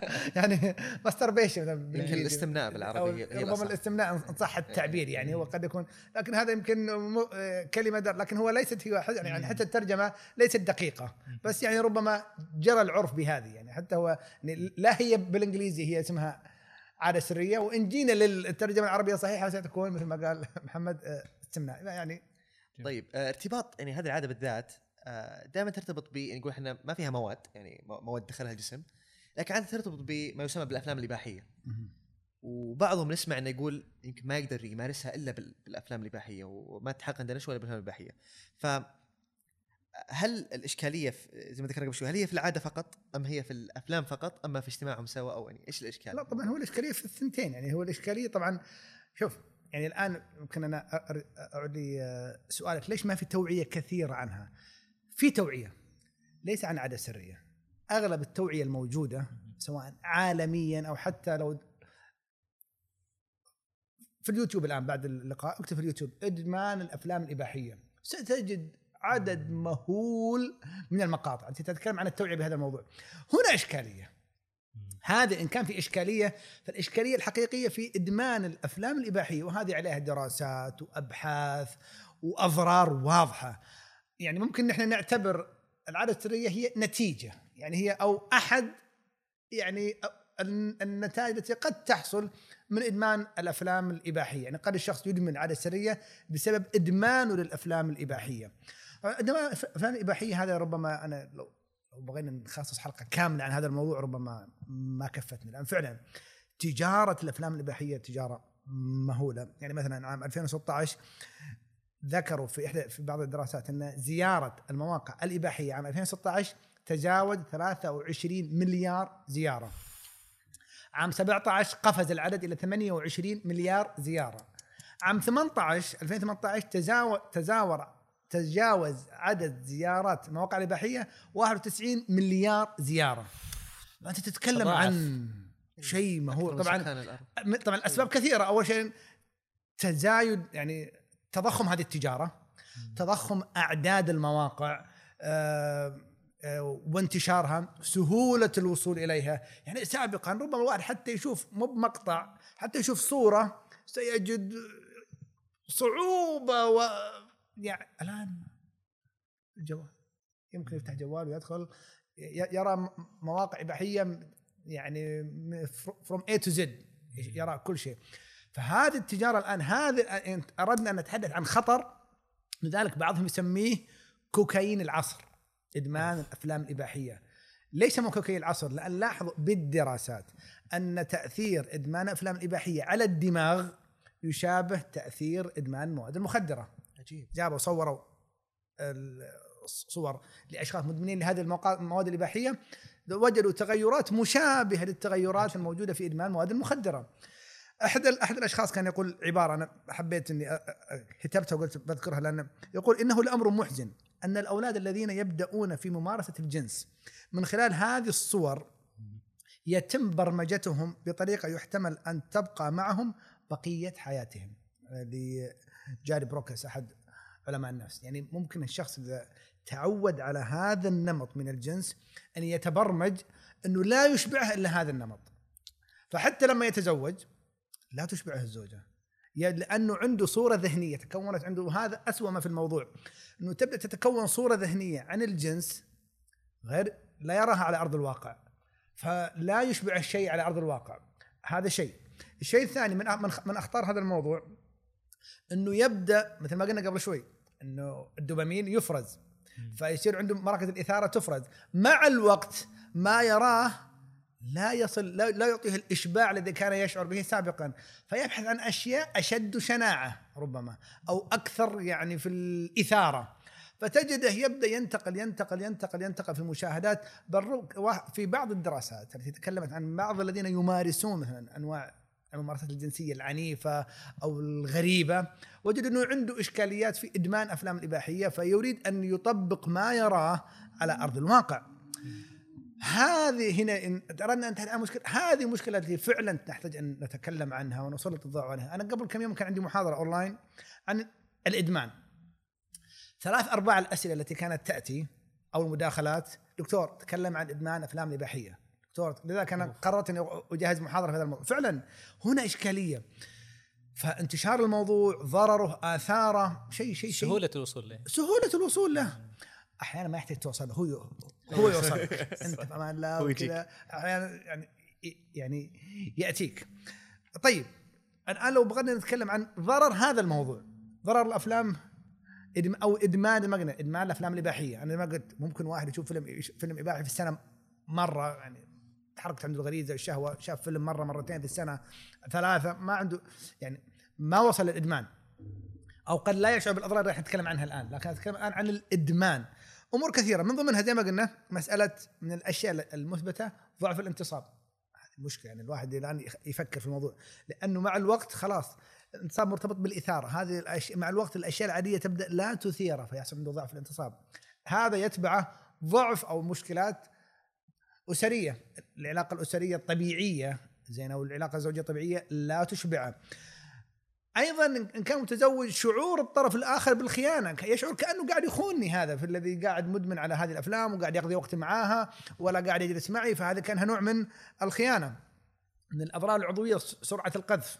يعني بغينا نتكلم عن لأنه خلاص صار عنده تزداد حساسية عنده فممارسة هذه الأشياء لما يأتي للعلاقة الطبيعية يصير عنده نوع من سرعة القذف. من الأشياء خاصة المتعلقة مثل ما قلنا الإدمان الانسحاب من المجتمع يصير وقته ويومه وتركيزه وانتباهه يصرف في هذه الأشياء. قبل فترة جاني أحد ال- ال- الطلاب جامعي يعني اللي كان متفوق بعد ذلك أدمن هذا الموضوع. اضطر انه يحذف فصل لأنه يقول ماني قادر أركز تركيزي وانتباهي ما أقدر أوجهه لأن شغلي الشاغل هذه الأفلام هذه المقاطع فتبدا تاثر على التركيز على الانتباه على الأداء الأكاديمي على الأداء الوظيفي الانسحاب من المجتمع يصير يقضي جل وقته في هذا الموضوع غير تاني بالضمير غير بعضهم قد يدخل في حالة من الاكتئاب والقلق. كل هذا من إيش؟ إدمان الأفلام الإباحية التي يعتقد البعض أن الموضوع مجرد أني حشوف مقطع لا لا لا. هي لها تأثيرات نفسية اجتماعية جسدية كما ذكرنا. أيضا آه، إشكاليتها آه، آه، سهولة الوصول لها. ومنها يعني يعني من أعراض موضوع اللي هو العادة السرية. يعني العادة السرية فلما نجي إذا أردنا أن نوعي فعلا ويكون عندنا حملات واهتمام نحتاج أن نوعي ونشتغل على هذا الموضوع اللي مثل ما قلت له أثر حتى على كيمياء المخ لدرجة أنه صار مشابه للتأثير الناتج عن إدمان المواد المخدره صراحة هذه كانت معلومة عجيبة لأن يعني الواحد يقول طيب ممكن آخذ نفس الوقت أناظر فيه مثلا مقاطع يوتيوب ممكن أناظر فيها يعني فيلم بس إن توصل مرحلة هذا ممكن شيء عجيب يعني. كذا نحتاج إن الشباب وبالذات إن يعاد النظر والتركيز الان الآن بدأت يعني طبعا هو سابقا ربما ما كان في دراسات كثيرة أو ناس كثير يتكلمون عنها. ما في واحد بيقول مدمن أفلام اباحيه لكن مؤخرا بدأت تخرج مجتمعات زين لأشخاص تعافوا من هذه المشكلة وبدأوا يكونون مجتمعات لدعم بعضهم البعض وتوعية الآخرين. ممكن نتكلم عنها نبغى نتكلم عن العلاج شلون؟ يعني خلينا جينا عند العلاج الحين. شلون الواحد يقول أنا أبغى بالعادة السريه وبالأفلام الاباحيه. هو عادة زي ما ذكرت دكتور قبل شوي إن الأفلام الاباحيه بشكل عام هي اللي تعتبر هي المثير للقيام بالعادة السرية. صحيح. فبالتالي ارتباطهم ارتباط وثيق تقريبا. آه، فبالتالي الواحد يقول أبغى أتعالج من هذه الظاهرة أو من هذا الإدمان اذا إذا صح التعبير. آه، كيف؟ طيب طبعا في آه، طرق كثيرة وسائل. إحنا بنركز على الشيء اللي ممكن نعتبره عملي. ممكن واحد يعني الآن اللي يسمعنا ويشاهدنا إنه ممكن يروح يسوي. أول حاجة نقول نظف كل أجهزتك. أول خطوة. يعني لا تقول والله نظف. عند تحمست يعني كنا صعب نفس صعب الوصول إليها يعني. زين إي يعني لا تخل يعني عندك في الجوال عندك آه، في اللابتوب عندك نظف كل حاجة. هذا أول خطوة. حتى ما- لأنه أحيانا أحيانا واحد مثلا آه، آه، حافظها وما يحتاج ما يحتاج الإنترنت. مجرد إنه يقول متى ما جاته ال- الشهوة وكذا فتح لا نقول نظف. هذه أول خطوة. بعدين صعبها أكثر. في برامج لحجب بعض المواقع. نزل مثل هذه البرامج مثل في برنامج اسمه K 9 Web Protection K 9 Web Protection قد يساعد في حجب مثل هذه المواقع وربما في مواقع ثانية. من الأشياء كذلك هي غالبا هذه لا لا تمارس يعني ما في أحد يمارسها قدام الله وخلقه يعني. فنقول. اختلط بالناس. اقضي وقت كثير مع الآخرين. اطلع روح نادي. لا تخلي ديوانية في حارتكم إلا تقعد فيها. اقعد. اجبر نفسك على قضاء وقت كثير مع الآخرين. الصباح في الجامعة أو في الدراسة الحين ربما الدراسة عن بعد أوكي وقت الدراسة بعدين أخلي وقت اذهب فيه للنادي وقت أطلع مع أخوياي وقت أقعد فيه مع أهلي بحيث إني أقلل فترات بقائي لوحدي. إحنا على الأقل نبدأ نخفف شوي شوي. من كذلك أبحث عن الدعم. مثل ما قلت ذكرت قبل شوي في مجموعات الدعم في مجموعات تسمى NoFap. طبعا هذه إنجليزية والآن في شيء على تويتر في لو واحد بحث NoFap Arab في هذه مجموعات دعم للتوعية بموضوع اللي هو مجموعات دعم للاشخاص المتعافين وكيف يساعدون بعض في موضوع اللي هو التخلص من المواقع أو إدمان مواقع الإباحية. في تطبيق اسمه ريبوت فكرة التطبيق هذا ممكن واحد ينزله إنه يساعدك يعطيك مثل الجدول وتتابع نفسك كل يوم اللي ما تمارس فيه وتسجل وكذا فنوع من المتابعة الذاتية في التخلص من هذا الموضوع. منك نجي أيضا من الأشياء الأسباب الشرعية. مثلا آه، غض البصر، الزواج، الذكر، الصلاة، آه، الدعاء، هذه أيضا أمور لا نغفل عنها يعني لا يكون فقط واحد تركيز على الجوانب الما- المادية البحتة، هذه أمور أيضا ترى تساعد تعزيز الجانب الإيماني عند الواحد، الجانب الرقابي، الذكر، الدعاء، ال- هذه كلها أشياء تساعد في تخفيف هذا ال- الموضوع. من الأشياء كذلك لا تحبط. لا تحبط. إيش معناها أو شو المقصود بهذه العبارة؟ بعض الأشخاص يقول لك والله أنا وقفت يوم يومين ثلاثة أربعة خمسة ستة اليوم السابع رجعت. أوكي. بنعتبرها زلة. خطأ. صحيح. لكن هذه ستكون زلة. فلا تقول خلاص خربانة خربانة. ارجع. لا لا لا. ابدأ من جديد. واحسب يوم اثنين ثلاثة أربعة خمسة ربما اليوم العاشر. أوكي. ابدأ من جديد. فتجد نفسك مع الوقت يصير في تباعد في الأيام التي كنت تمارس فيها هذه العادة حتى تتخلص منها، قد ما يتخلص منها نهائيا ولكن تنتقل من إدمان إلى خطأ يمارسه بين فترة وفترة. على الأقل على الأقل إنه والله يكون التخلص من ال- الآثار ذكرنا. آثارها خطيرة. مش الموضوع مش موضوع إنه فقط ممارسة عادية لها آثار نفسية وجسدية واجتماعية وغيرها من الأمور يعني التي أو العواقب الأخرى مرتبطة بهذا الموضوع. يعني متى الواحد يعرف نفسه انه إن أنا خلاص ماني مدمن في فترة معينة يعني وقبل كذا هل في زي ما ذكرنا أعراض انسحابية لكل ادمان. فمتى يعرف إنه هو الآن يمر بأعراض انسحابية وإنه هو خلاص الحين على مشارف انتهاء من هذا الحين هو قلنا الحين متعافي بعدين راح يصير متشافي إذا قلنا راح يتشافي إن شاء الله. إن شاء الله. ف يعني متى يعرف إنه هو فعلا خلاص تخلص من هذا الإدمان طيب إحنا الآن زي ما قلنا خلينا أول شيء خلينا نعرف هو كيف تأثيره عليه. يعني لما قلنا الإدمان هو سلوك قهري. يعني هو غصب عنه جالس يمارس هذا الموضوع. يحاول يترك يجد نفسه إنه يصبر ساعات ثم آه، يعود. من أعراض الإدمان إنه مع الوقت يبدأ إيش؟ يزيد. إنه يبدأ يس- يستمر في الاستخدام بالرغم من معرفته من الضرر. يعني هو عارف. يعني أحد القصص التي ذكرت أثناء بحثي طلعت عليها أثناء بحثي في هذا الموضوع إن أحد الأشخاص كان يستعد لمقابلة وظيفية وهذه المقابلة كانت مصيرية بالنسبة له. يعني من زمان يبغى الوظيفة هذه وصار له فترة ما عنده وظيفة وعنده ديون وعنده عنده عنده كان عنده إشكالية إنه إيش؟ إنه مدمن على الأفلام الإباحية. وقرر إنه خلاص حتوقف علشان أبغى أركز في عملي أبغى أشتغل. يعني الم- الموضوع كان ماخذ وقته وجهده توقف لفترة يوم يومين ثلاثة أربعة خمسة خلاص إلين ليلة المقابلة على أساس إني بكرة المقابلة. ليلة المقابلة قال بس بفتح بشوف مقطع. فتح ما وقف إلا بعد ما انتهت المقابلة. فتخيل كيف يعني هذا هذا إدمان. عنده شيء مصيري في حياته خسره بسبب هذا الموضوع. بعض الأشخاص ربما تقول لزوجته شوف يا أنا يا هذا الموضوع. إذا كان إدمان ربما يفرط في زوجته.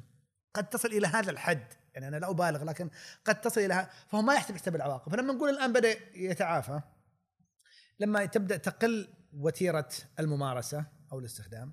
لما يبدأ الآن تخف يعني خلاص مثل ما قلنا في أعراض انسحابية لما يوقف توتر وقلق لازم يرجع لما تبدأ هذه الأعراض آه، تخف لما يتحسن عنده التركيز والانتباه يبدأ الآن يرجع لممارسة حياته بالشكل الطبيعي الاجتماعية الوظيفية الأكاديمية. هنا نقول أوكي هذا الشخص إن شاء الله بدأ يخرج من هذا الموضوع بدأ الآن يتحسن أموره.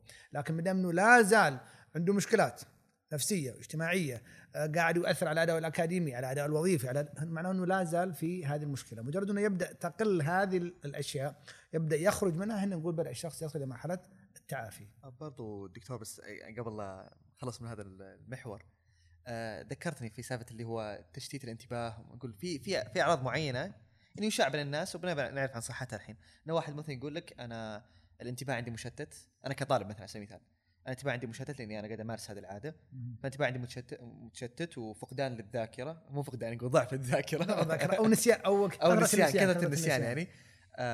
هل هذا الكلام صحيح ولا هو مبالغه؟ فعلا. هو فعلا؟ من يصل الإدمان فعلا. يؤثر قلنا القدرات المعرفية. هني. كثرة النسيان قلة التركيز والانتباه ضعف قدرته على الحفظ. هذه من الأشياء زين من من الآثار النفسية الشعور بالذنب. لأنه هو طبعا شوف بغض النظر في جميع الأديان وفي جميع المجتمعات. هو يعلم علم اليقين أن هذا الشيء خطا يعني هو أول من بدأ يتكلم ترى هذا الموضوع ترى آه مش حنا الغرب. هم بدأوا يتكلمون عن هذا الموضوع وأضراره والدراسات. فهم هم بالنسبة لهم هذا الموضوع لا بغض النظر لا ينظرون له من الناحية الدينية لكن ينظرون له فعلا الموضوع خطير وله آثار سواء على المستوى النفسي والإجتماعي الأسري ال- المهني الوظيفي الأكاديمي. فهذه كلها آثار ناتجة عن هذا الموضوع. فمن ضمنها زي ما قلنا القدرات المعرفية الجانب النفسي الشعور بالذنب أو التوتر أو القلق بل بعضهم قد يدخل في حالة من الاكتئاب. ليش يكتئب؟ أنا وقتي كله مص- مصروف في هذا الجانب. دراستي بدأت تتأثر. إن كان موظف اداء الاكاديمي الوظيفي بدأ يتأثر. علاقاته الاجتماعية بدأ يقطعها بدأ ينسحب عن المجتمع بدأ لا يهتم بصحته ما ياكل أو أكل غير صحي ما يمارس يدخل في حالة من الاكتئاب. فجميع هذه آثار تنتج عن, عن, عن هذا الموضوع. فكل الذي ذكرته وغيره زين هي آثار ناتجه عن إدمان الأفلام الإباحية. يمكن نوصل لمحطتنا الأخيرة الحين من أمثلة ال- الإدمان. آم، اللي هي نقول مثلا شيء جديد نقول الحين اللي هو الألعاب الإلكترونية. آه ما في أحد ما يعرف الالعاب الالكترونيه أتوقع. أنا يعني. الحمد لله. ما عندي بلاي ستيشن وجربت كم مرة وكانت تجارب فاشلة والحمد لله يعني ما نفس الفكرة. الألعاب الإلكترونية هل هي ممكن نصنفها إن لعبها يعتبر من من الإدمان؟ يعني؟ آه، طبعا كثر الكلام مؤخرا عن الالعاب الالكترونيه وأضرارها وإلى آخره. طبعا طبيا زين منظمة الصحة العالمية عام 2017 في التصنيف الدولي للأمراض الحادي عشر وضعوا شيء يسمونه gaming disorder اضطراب اضطراب الألعاب. يعني ما يعني ما في يعني في يعني هو اضطراب الألعاب وليس إدمان الألعاب. هذا موجود في تصنيف الأمراض الحادي عشر الأمراض تصنيف الأمراض التصنيف الدولي للامراض الحادي عشر. في عندنا شيء اللي هو الدليل الإحصائي ال- هذا الأمريكي أحد التصنيفات الخامس. الآن وضعوا شيء حول هذا الموضوع بس لا زال تحت الدراسة وتحت البحث. ففي شيء من هذا القبيل في شيء يسموه اضطراب الألعاب. طبعا ليست الإشكالية لا احد يفهم من كلامي. ليست المشكلة في الألعاب. زين يعني أو, أو إن صح التعبير ليست المشكلة إني آخذ البلاي ستيشن والعب. أو خلنا نركز على البلاي ستيشن يعني بيصير نوع من الدعاية. بلاي ستيشن إكس بوكس كل نوع. الشغلات. الجهاز بشكل عام. كل الالعاب زين. ليست ليست الإشكالية فيها. ولكن في نوع الممارسة. أنا ممكن ال gaming disorder لما يس- وضعوا له معايير. حتى نقول هذا الشخص عنده gaming disorder أو اضطراب الالعاب أو اضطراب الألعاب. فقالوا من ضمنها فقدان السيطرة. يعني على عادات اللعب يعني في أي وقت يلعب. ما يحس إنه يقول لك ما يقول لك والله لا الحين أنا الآن مش لاعب. الآن الفترة العصر إلى. المغرب ترى أبي أدرس. لا. يحس إنه شيء متحكم فيه. فاقد السيطرة. إعطاء الأولوية. الأولوية يجده للعب. مثلا عنده بكرة اختبار. قوم يا ولد ذاكر. أوكي بقوم. فالاول اضطراب الأولويات عنده. أذن. قوم صل. طيب عندنا بنطلع الأسرة عندنا مناسبة عائلية. زواج أختك بنروح قوم. فالأولويات عنده تتأثر بشكل كبير. استمرار اللعب بالرغم من عواقبه. يعني هو مثلا عارف إنه لو جلس ممكن والله يفوتوا اختبار يفوتوا كلاس محاضرة يفوتوا تفوت الصلاة تفوت أمور كثيرة. عارف في عواقب يقول طيب قوم أكل. ممكن يأثر على الناحية الجسدية. يعرف هذه العواقب بل ربما تظهر بعض العواقب ويستمر. هذه من مؤشرات مؤشرات هذا الاضطراب. أيضا وجود تأثير على النواحي المختلفة الاجتماعية والأكاديمية والوظيفية. ربما البعض يتأخر عن دوامه يسهر قبل الدوام ساعتين ثلاثة ينام يا دوب ينام فيتأخر عن الدوام أو طالب يقضي وقت كثير فما يذاكر ما ينتبه ما يبدأ آه، يؤجل الاختبارات فيبدأ يتأثر.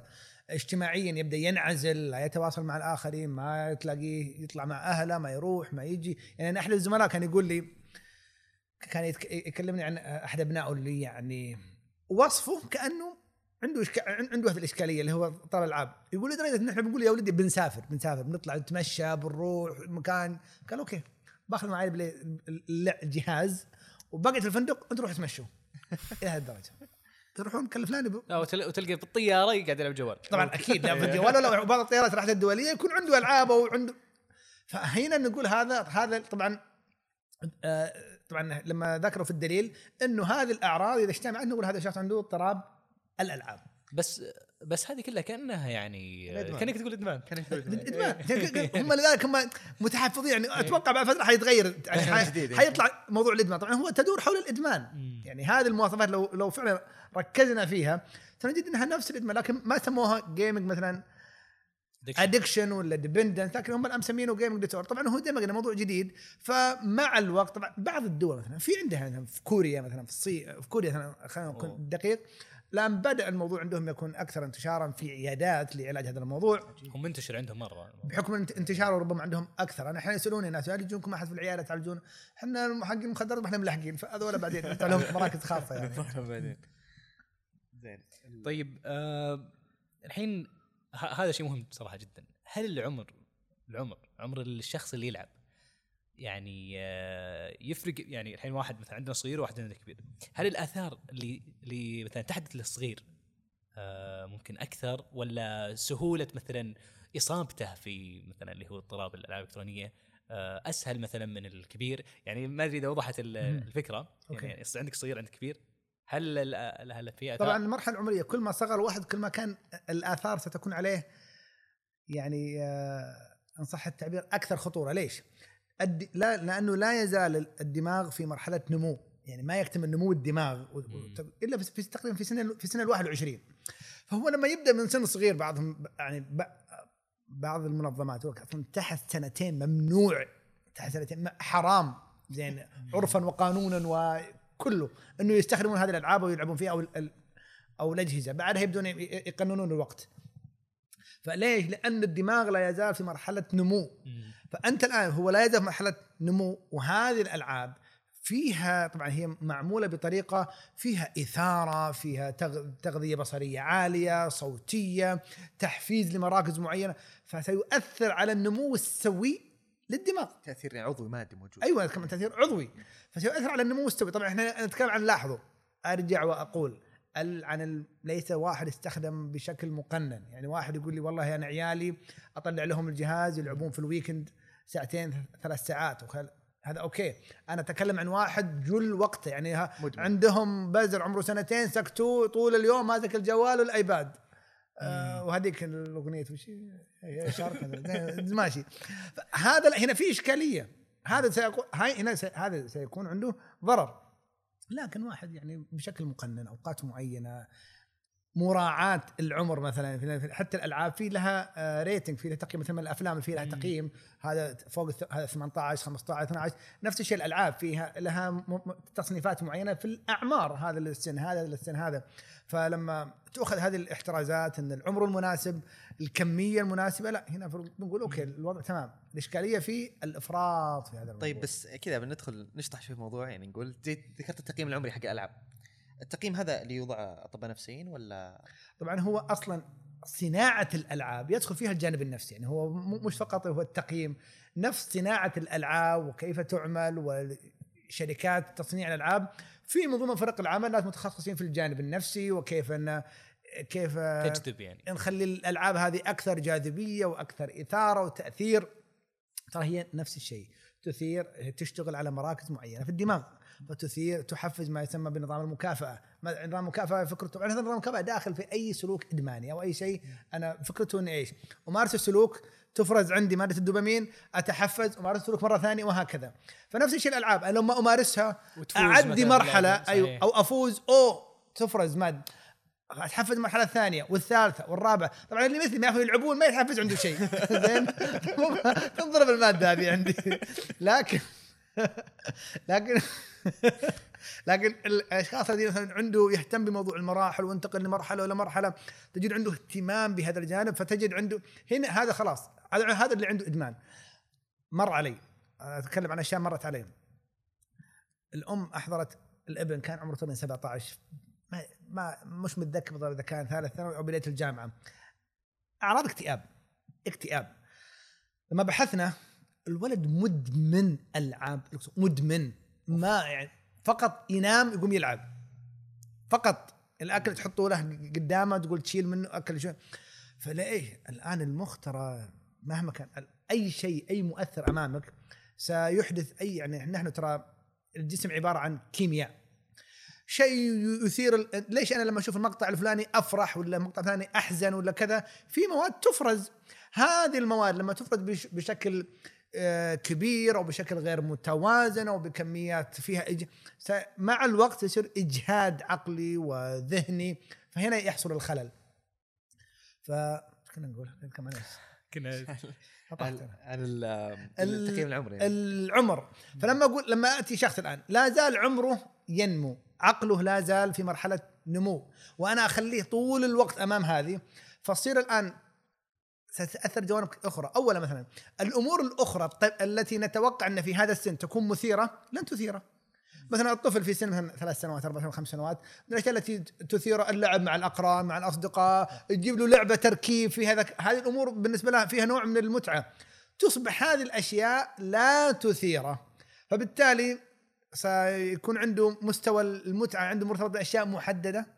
هذه ما تثيره فبالتالي أيضا حتى الوظائف الأخرى زين التي أو أو نق- أمور أخرى متعلقة بمهارات متعلقة بالنمو مهارات مثلا الحركة أو المشي أو الرياضة أو كذا تبدأ أو المهارات تبدأ تتأثر بسبب إنه إيش؟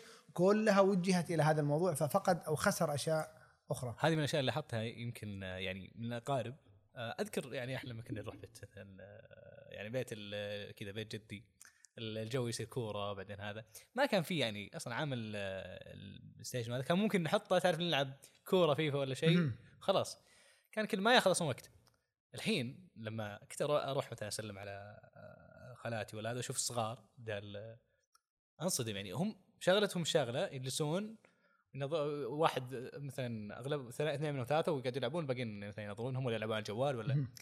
يعني الحين وين طيب الكورة وين هذا؟ شوف ممكن إذا مره مرة زهقوا خسروا كم مرة خرب ال- يطلعون. ولا انتبه لهم واحد وشالها منهم. إي يعني فهذا هو.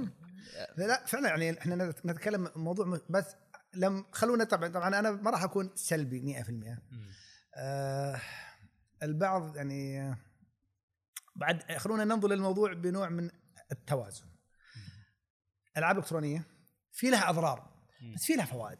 يعني خلونا لا, نكون بعد أيضا سلبيين. لا طبعا ما اخفيكم في بعض الدراسات التحليلية اللي يسمونها في زين التي بعضها قال ما في ضرر مثبت.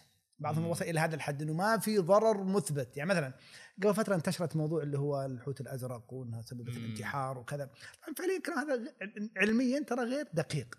يعني لما نجي للشخص والله اللي يعني حصل حوادث صارت لهم الوفاة وما بسبب هو ما ما مات بسبب لعبة.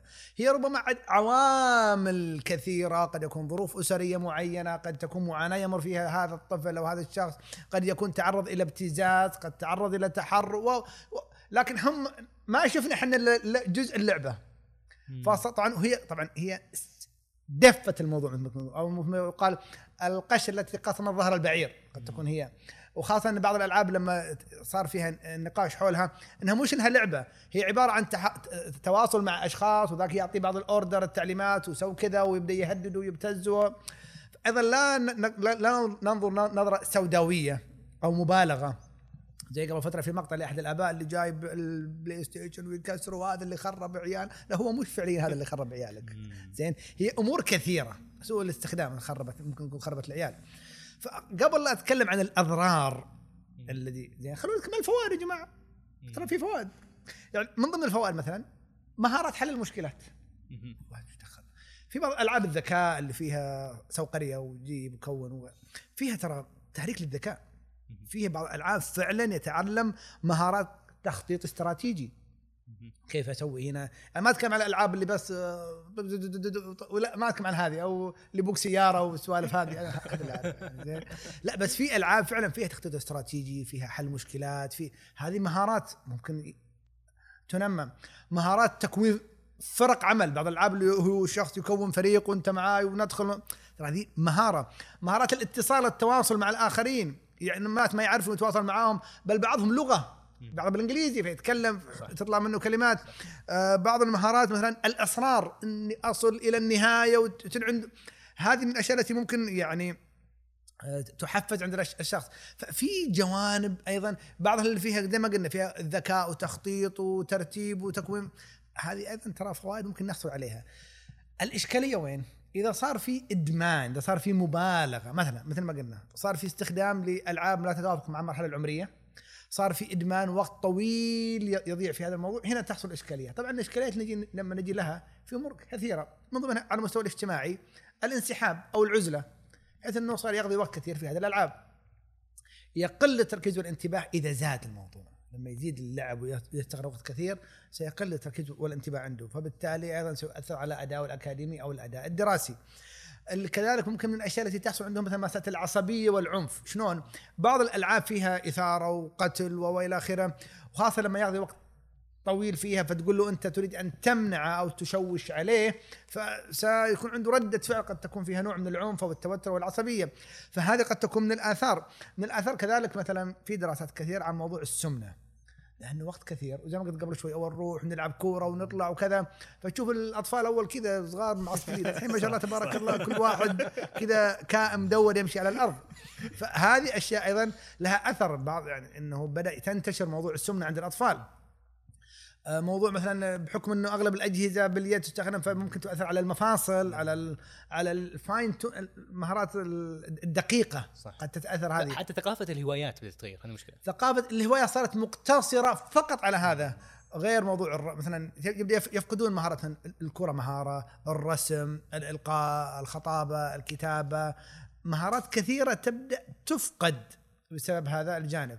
فالإشكالية زي ما قلنا إذا صار الموضوع بشكل مبالغ فيه وبشكل زايد عن حده سيكون له هذه الأضرار والعواقب لكن إذا كان بشكل مدروس وبشكل مقنن بالعكس ينمي عنده مهارات ربما ما تنميها الأشياء الثانية.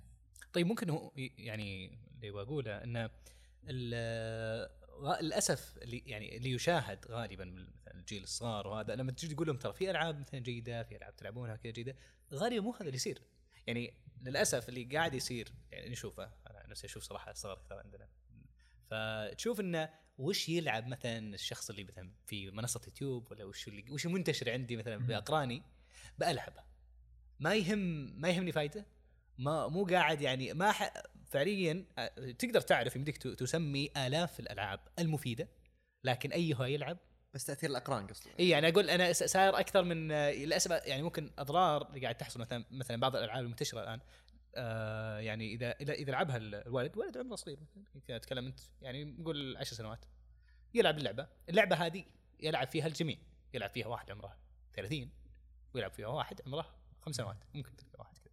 ف والكل مثلا الحين يمديك تواصل وياه يمديك هذا فصار في يعني خوف شديد في جوانب عدة إحنا ندري ممكن هو أنا قاعد كان في موازنة زي أنت قلت توازن انت بين الضرر بين هذا. أكيد إذا بتلعب ألعاب لا منمية لا ما في ما ممكن لا مانع منها. بس هو الفكرة آه، يا يعني الشخص ولي الأمر يعرف وش قاعد يلعب فيه ممكن هذا. أيوه شفت الكلمة؟ راح أبدأ من الكلمة الأخيرة. ولي الأمر. هو يعتمد. من الأب؟ أنت ولا هو؟ يعني بعض الآباء أو بعض الأمهات لما يسمع بعض الأسئلة يا دكتور ماني قادر عليه كم عمره؟ أربع سنوات. يا شيخ هذا ترى عمره 14 سنة تسوي معاه. فهنا لما نقول فعلا ولي الأمر هل الولي ولي الأمر هذا حريص. زين إحنا ما قلنا الآن امنع المنع خلاص هذا خلاص. يقولون شيء عفى عليه الزمان. ولكن بما أنك ولي أمر فأنت قنن. أحد الزملاء والتربويين والجيدين في هذا الموضوع وعنده اهتمام يعني بموضوع التربية وخاصة موضوع الألعاب وإلى آخره. يقول عيالي كلهم كل أبنائه عندهم iPad كلهم. بس يقول مره كنت اتحاور معاهم يعني أنتم إيش رأيكم؟ أعطاه يقول أعطاهم مثل ما شاء الله تبارك الله رايق هذا. معطيهم استبيان يقيمونه طريقة تعامل كل شيء okay تمام بس كان عندهم ملاحظة إنك مش مخلينا على راحتنا في موضوع استخدام الأجهزة. يعني كان حاط ضوابط. فيقول أنا لكن خلاص تعودوا عليها. في في مثلا وش الألعاب اللي ينزلونها مثلا؟ يعني الآن كل ال- الأجهزة في تطبيقات ممكن تربطها بالجوال عندك أنت تعرف إيش اللعبة اللي ينزلها متناسبة مع عمره مع ولا لا. فهذه مسؤوليتك أنت كأب. إذا أنت بتجيب الجهاز زي طبعا إحنا نقول يعني كث يعني نطمح إلى شيء أعلى إنك تقعد وتلعب معاه وتشارك لكن أوكي أنت مشغول وما أنت فاضي وما عندك وقت. على الأقل أنتبه زين إلى ما وش الألعاب اللي هو جالس ينزلها. يعني أنا إلى فترة قريبة أو إلى الآن عندي في الجهاز في تطبيقات سواء لل Android ولا ال iOS في تطبيقات تنزلها وتنزل على جهاز الإبن. تعرف إيش اللعبة اللي جالس ينزلها؟ من ناحية محتواها قد ما تكون مف... آه، مفيدة جدا ولكن أيضا ليس فيها ذلك الضرر اللي أتوقعه من فهنا دور الأب دور جدا جدا مهم. هذا ليس دور هذا ليس مسؤولية الأبناء. يعني الابن أبو عشر سنوات ترى ما راح يجي ما راح ي... ما عليه. آه، بغيت أقول أضرب مثال بس خفت أصحاب التطبيق يزعلون. في تطبيقات مشهورة تعليمية. في الوضع الطبيعي الطفل ما راح التط- التطبيق التعليمي. صح. إلا إذا أنا الاب حفزته. قلت والله okay نزلوا ذا التطبيق وسو العب فيه الفترة كذا أو سو كذا أو سو خلص الجزء الفلاني. وبسمح لك إنك تنزل مثلا آه، اللعبة اللي أنت تبغاها كذا مع إني- مع مراعاة إني أكون متأكد إن اللعبة هذه متوافقة مع عمره وما يكون فيها الأشياء المحظورات المطلوبة. سواء كانت محظورات في العنف الموجود في اللعبة أو بعض الأمور الشرعية أو الأخلاقية. هذا دور الأب ليس دور الابن. صح. لا تقول يعني وينشأ ناشئ الفتيان فيني على ما كان عوده أبوه. صحيح. أنت مخلي الشغلة كذا بعدين تقول والله الابن مدمن. لا هو ما أدمن. أنا سمحت بالإدمان. أحد الزملاء عنده نظام دقيق أبغى أقول صارم لأنه كان بالاتفاق مع أبنائه. في أوقات استخدام ال PlayStation أوقات استخدام الجوال و- وقوانين معينة مثلا الجوال مثلا ما يدخل غرفة النوم. ال PlayStation لأوقات معينة وساعات معينة في ال weekend وكذا. يقول أحد المرات سافرت أنا وزوجتي وخليت أبنائي عند جدتهم. طبعا تعرفون الجدات ما إحنا مخرب عيالنا إلا الجدات. إيه، صحيح. يقول لما رجعت تقول لي إنت شو بتسوي في عيالك؟ قلت نفس النظام. نفس النظام الجوال ما يدخل غرفة. النوم وك... خلاص تعودوا على هذا النظام. حتى وابوهم غير موجود. طبعا هذا الموضوع يحتاج جهد من الأب جهد ووقت. جميله إنه قضى معاهم وقت يناقشهم يقعد معاهم يسمع منهم ويأخذ يعطي حتى وصلوا إلى هذه المرحلة. كثير من الأباء ما يبغى يبذل جهد ما يبي يبذل وقت مش فاضي سكته بالجوال أو. بالألعاب وكذا. أحيانا تخش مطعم بيبي شارك وتقول المطعم كذا في المطعم. واضح إنه ما في أي وسيلة أخرى للتسكين إلا الطريقة هذه. فأصبح الأبناء وهذه نقطة أصبح بعض الأطفال يبتزون الآباء. يعني صار العكس الآن. بدل ما تكون أنا صاحب الصل- الصلاحية والسلطة صار صاحب الصلاحية والسلطة الإبن. أفضحك في المطعم أصيح. خليه يصيح. هذه المشكلة هو هو يعني زي اللي الطفل الصغير شاف ردة الفعل بعد الصياح. ال- أيوه إيه. حتى مسكته آه، نعطيه. يعني أنا صراحة أنزعج جدا لما أشوف في عربية طفل ما يعني سنة ونص سنتين ثلاثة مع- عربية مع جوال. مع جوال ولا ايباد ولا كذا. يعني أدخل طبعا هم بالنسبة لهم مرتاحين الآن إنه بس أنت أنظر لها على المدى البعيد. أنت تؤثر على قدرات كثيرة عنده متعلقة بالنمو الانفعالي والعاطفي والعقلي ترى أمور كثيرة نحتاج أن لا نستهين فيها. ما نقول نمنع نقنن نضع الضوابط. آه، نستخدم هذه الأشياء. ترى كوسائل تحفيز. صارت الآن هذه الأشياء. كأنها حق مطلق. من حقه يكون عنده جوال وآيباد ويلعب اللي يبي وينزل اللي يبي. لا خلني أستخدمها كنوع من شيء نوع من التحفيز. لما أجيب له اللعبة هذه أعطيه الأوقات والمساحات. بدل والله ما يعني لما يستخدمها يوميا غير لما أقول له okay لما تذاكر بعطيك إياها أو لما يجي ال weekend بعطيك إياها أو لما أسوي شيء مميز راح أزود لك ساعة. طبعا أكثر نقطة راح يثيرها بعض الآباء. طيب يا أخي عيال عمهم آه، بيت خالتهم. طيب أنا يعجبني الدكتور إبراهيم الخليفي لما يقول إذا قالوا كذا قل لهم إحنا غير. إحنا مختلفين عنهم. فلان إحنا مختلفين إحنا غير. بيتنا غيرهم. okay طبعا. هو أكيد لما بيروح معاهم حيلعب معاهم. إيه، صح. بس غ- أبو ساعة ساعتين ثلاثة لما يكون مع غير لما يكون طول الوقت عندي في البيت. يعني يعني أنا ما راح أكون وصي أو بكون يعني مثل ال- الكاميرا عليه حتى هو برا وتحركاته. أنا أتوقع بيروح مع ربعه مع زملائه مع عيال عمه مع عيال خاله. يعني بيصير في تجاوزات. مثل مثلا بعض الآباء اللي مثلا في البيت عنده ممنوع البيبسي مثلا. زين أو ممنوع المشروبات إيه. الغازية. لكن ممكن لما راح يروح هنا ولا هنا ولا بي- بي- بيشرب. طبعا إذا قدر الأب يصل مع ابنه إلى قناعة إنه ما يشرب الشراب دي طبعا هذا ما شاء الله هذا يعني هذا مرحلة. تجاوز القنطره هذه التربية يعني. زين هذه يعني. لكن أنا أقول إن حصل تجاوزات نقبلها لكن لا يصير الأصل هو التجاوزات في هذا الموضوع. الأمثلة للادمان كثيرة. زين. ويعني نشكرك جدا على سالفة إنك يعني نقول خلصت. يعني نقول يعني لمينا بشيء كبير من الأمثلة هذه وفي أمثلة كثيرة يعني ما أقدر نخلصها في حلقة واحدة. يعني لكن- صراحة يعني- يعني ما شاء الله تبارك الله الحلقة كانت يعني يعني دسمة. الله يعطيكم العافية. وأنا مستمتع جدا معاكم. والله إحنا مستمتعين. يعني. نقول بلغتكم النفسية نقول أنا الدوبامين عندي مرتفع. يعني الله يعينك ما مشكلة بس لا يصير إدمان وكل أسبوع تجيبوني ترى مشغول ترى آسف. ختاما بس اللي هو السؤال التلخيص اللي صار كيف نعيد الناس إلى الوسط في مفهوم الإدمان؟ ممتاز.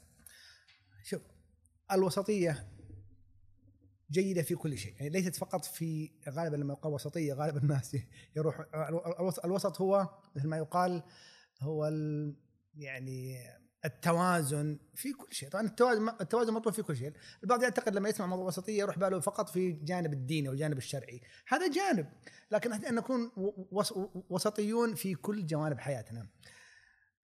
التوازن في موضوع المأكل والمشرب والملبس وال... وال... فيما يتعلق بالأمور بالاحتياجات النفسية بال... كل هذه الأمور تحتاج إلى نوع من التوازن. الإدمان غالبا هو نتيجة لإفراط، مم. الإدمان هو نتيجة لحالة من الإفراط، أفرط الشخص في استخدام إما سلوك معين أو مادة معينة فوصفه انتقل من ابتعد عن الوسط ان صح التعبير. يعني لما نجي موضوع الألعاب هو ما عندنا إشكالية في الألعاب لكن لما أدمن وتجاوز زين في هذه الممارسة انتقل من الوسط إلى ال... يعني هي حالة اختلال إلى الافراط يعني. هو حالة من الاختلاف حالة من الاختلاف وعدم الاتزان. موضوع اللي مثل مثل مثل ما ذكرنا موضوع يعني الأكل. الأكل أمر طبيعي يعني هو حاجة. الواحد يحتاج إنه يأكل. لكن لما يتجاوز في هذا الموضوع ويصير عنده إدمان ويأكل بالرغم من يعلم أنه قد يسبب له ضرر وسمنة وسكر هنا يكون تجاوز الوسط تجاوز الوسطية. فالوسطية هي حالة تطبق في جميع جوانب الحياة حتى في العلاقات. يعني أنا أقول أحيانا بعض أسباب المعاناة التي تأتينا أحيانا هو موضوع العلاقات إن الواحد يكون يتعلق بشخص بشكل مبالغ فهو هنا انتقل من الوسط. الوسطية اني أحب هذا الشخص باتزان بحيث إنه لو لو كان موجود أنا أكون أو بكون سعيد. وحتى لو ما كان موجود أيضا سأكون سعيد. يعني أنا مش مرت... يعني كشعار عام كن وسطا يعني. كن وسطا في كل جوانب حياتك. يعطيك العافية دكتور. الله يعافيك. والله جدا استمتعنا أنا أقول لك صراحة. آه طيب ختاما آه تجدون آه، بودكاست وسط في جميع منصات آه، البودكاست. آه يوتيوب آه أبل بودكاست إلى آخره من المنصات. آه لا تنسوا مشاركة الحلقة مع من تحبون ودمتم في وسط. دمتم في وسط. يعطيك العافية. شكرا جزيلا. الله يعافيكم إن شاء الله. جزاك الله خير.